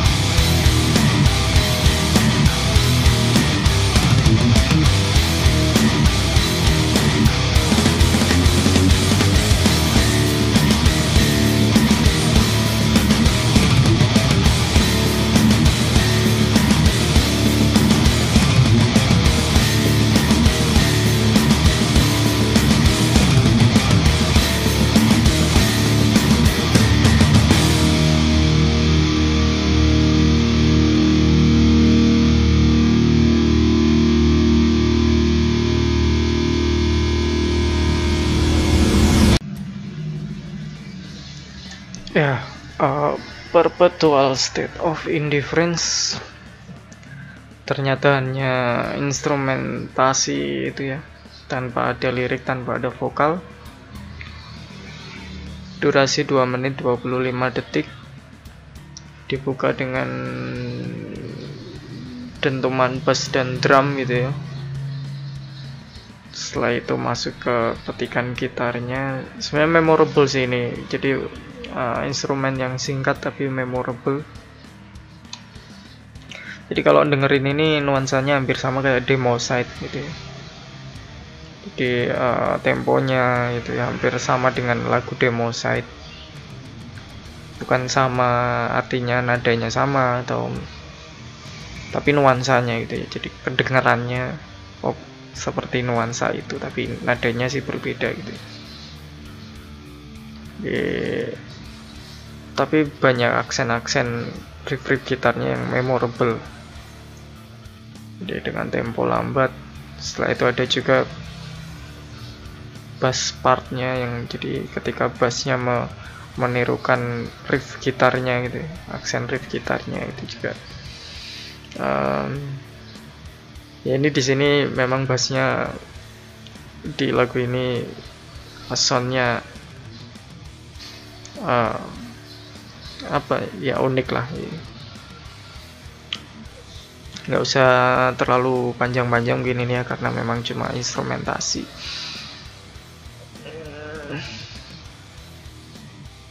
terus lanjut ke track ke-12 dengan judul Good Riddance.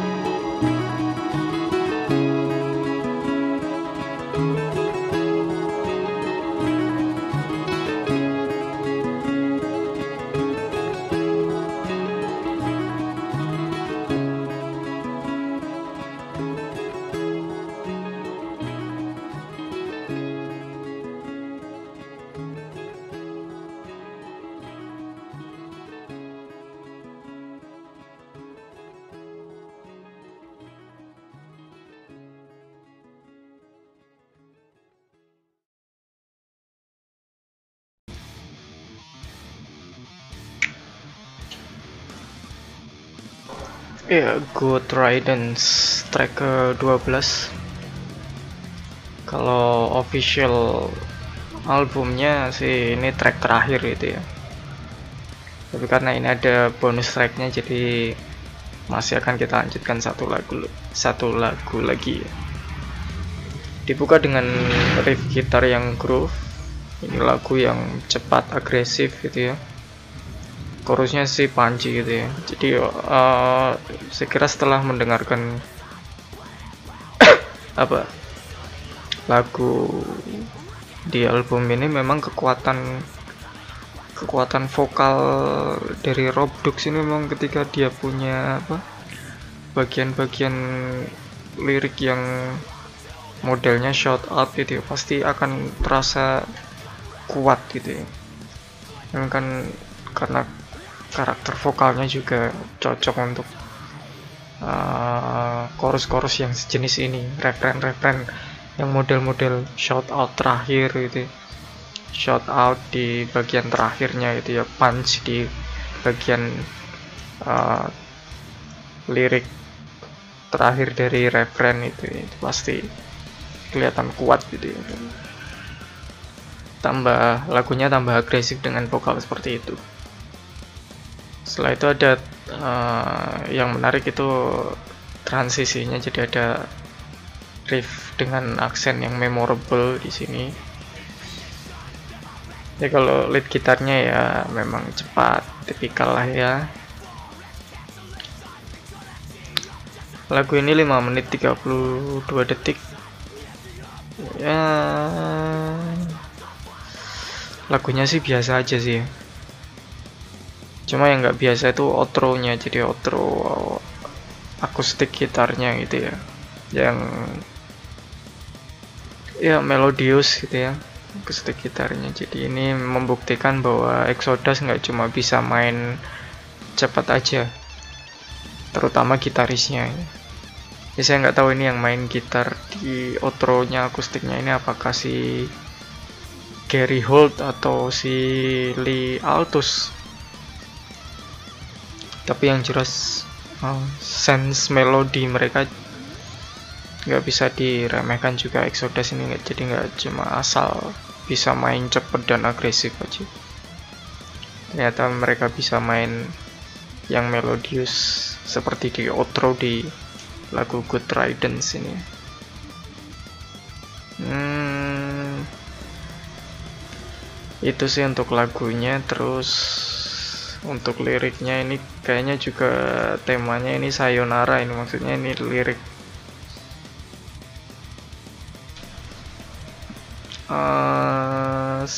This night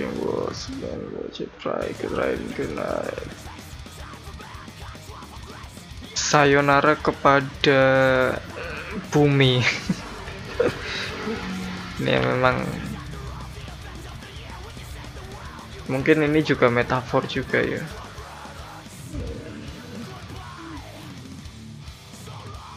Jadi ada ini mungkin apokaliptik gitu ya.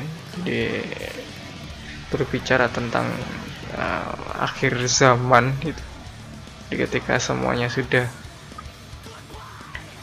sudah mendekati akhirnya semua akan hancur ini ya pastinya Good Riddance ini kan ya pengalaman yang bagus lah. Jadi Exodus menyampaikan ya karena kita sudah tinggal di bumi punya pengalaman hidup di bumi ini ya dan di bumi ini kita mendapatkan pengalaman yang ya good riddance itu kan.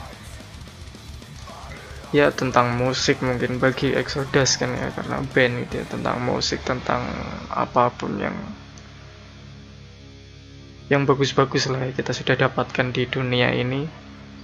Dan ini sudah di titik akhir mungkin karena ya kalau masalah apokaliptik atau kiamat atau kehancuran dunia kan banyak banyak versinya apa yang kejadian apa yang bisa menghancurkan dunia ini. Tapi mungkin uh, angan-angannya ketika waktu itu telah tiba atau mungkin ya bisa jadi memang akan ada itu atau mungkin malah tidak ada. Jadi kehidupan yang berlangsung terus juga. Ya ada kemungkinan seperti itu juga. Tapi ketika sudah kalau kita ternyata menjumpai itu ya ya good riddance lah. Ya terima kasih bumi sudah mau mungkin terima kasih dunia sudah memberikan pengalaman hidup yang yang luar biasa itu sih yang saya tangkap di liriknya good riddance ini ya Oke kita ke ini sebenarnya sih track terakhir tapi setelah ini ada bonus track yaitu track ke-13 yang berjudul Devil's Teeth.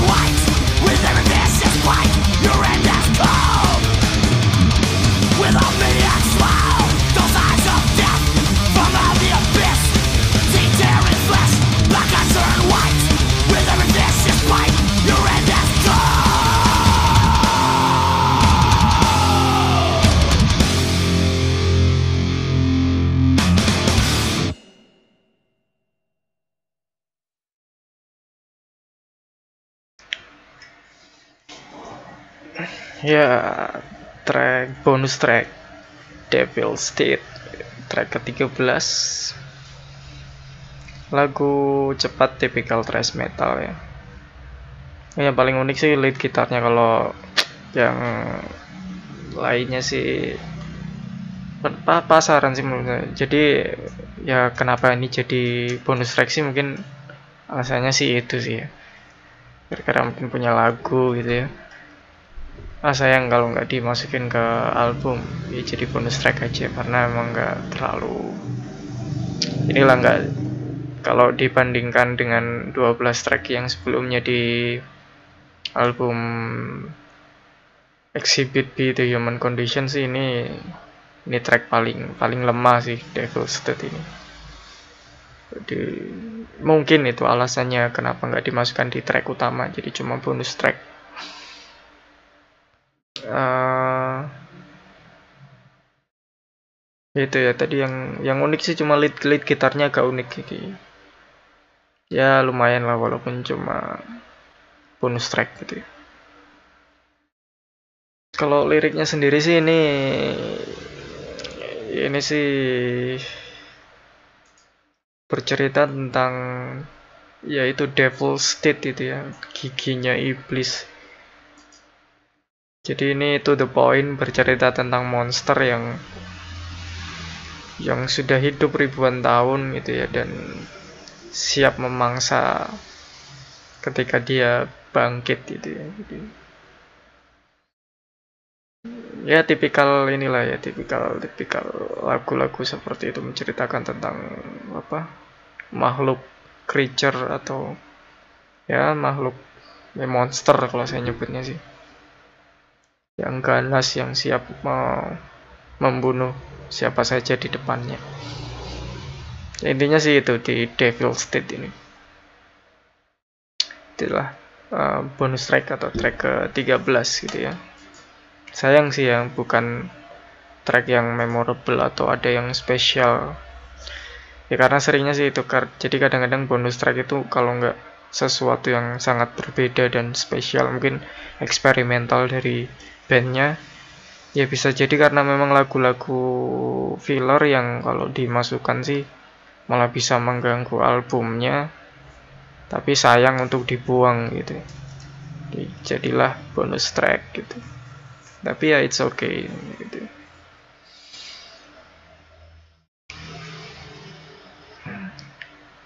Dan itu tadi uh, album dari Exodus Exhibit B The Human Condition.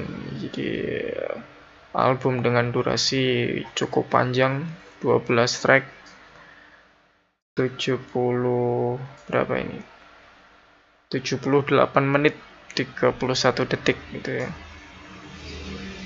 Kalau secara keseluruhan sih secara overall album ini sih nggak nggak terlalu mengecewakan ya. Jadi kalau bagi fansnya Exodus yang meng, yang mengharapkan album dengan tempo yang cepat, thrash metal agresif dengan uh, ya ada sedikit-sedikit lagu yang ada lagu yang eksperimental mungkin tapi eksperimental yang yang berhasil gitu ya. Setelah itu soundnya yang karena ini yang memproduksi Andi produsernya sih Andi Snip. Jadi Andi Snip ini yang uh, kalau sound-soundnya Andi Andy Andy Snip ini produser Andy Snip ini memang ya seperti ini jadi soundnya sih jelas gitu ya. Uh, distorsi gitarnya sih terasa jelas tapi nggak terlalu nggak terlalu terasa apa ya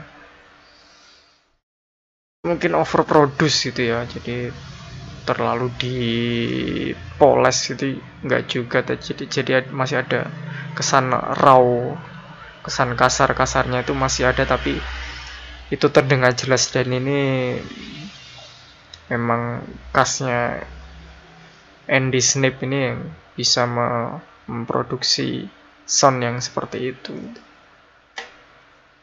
di detail-detail instrumennya walaupun lagu lagu lagunya berisik gitu ya. Banyak uh, banyak instrumen yang dimainkan banyak nada yang dimainkan dalam satu ketukan tapi bisa masih bisa terdengar dan masih bisa dinikmati. Dan kalau didengarkan itu mantap gitu ya soundnya itu. Jadi ya sudah lagunya agresif ditambah dengan sound yang seperti ini gitu. jadi me meng saling menguatkan. Mungkin itu saja sih. Uh, apa ya bukan bukan review sih ya. Mungkin lebih tepatnya sih opini saya tentang album dari salah satu band thrash metal dari Amerika Exodus kalau teman-teman senang dengan atau mungkin fansnya Exodus uh, album ini bisa jadi rekomendasi lah ya. Untuk untuk dinikmati tentunya gitu ya. Di ya mungkin setelah ini ya bisa cari-cari albumnya atau mungkin dengarkan streaming online kan masih banyak sudah uh, apa media-media untuk mendengarkan lagu itu itu saja uh, opini saya tentang Exhibit B The Human Condition gitu. Terima kasih sudah mendengarkan Street Wave Podcast di segmen Street Sound kali ini. Saya Haris Aribowo. Sampai jumpa, selamat beristirahat.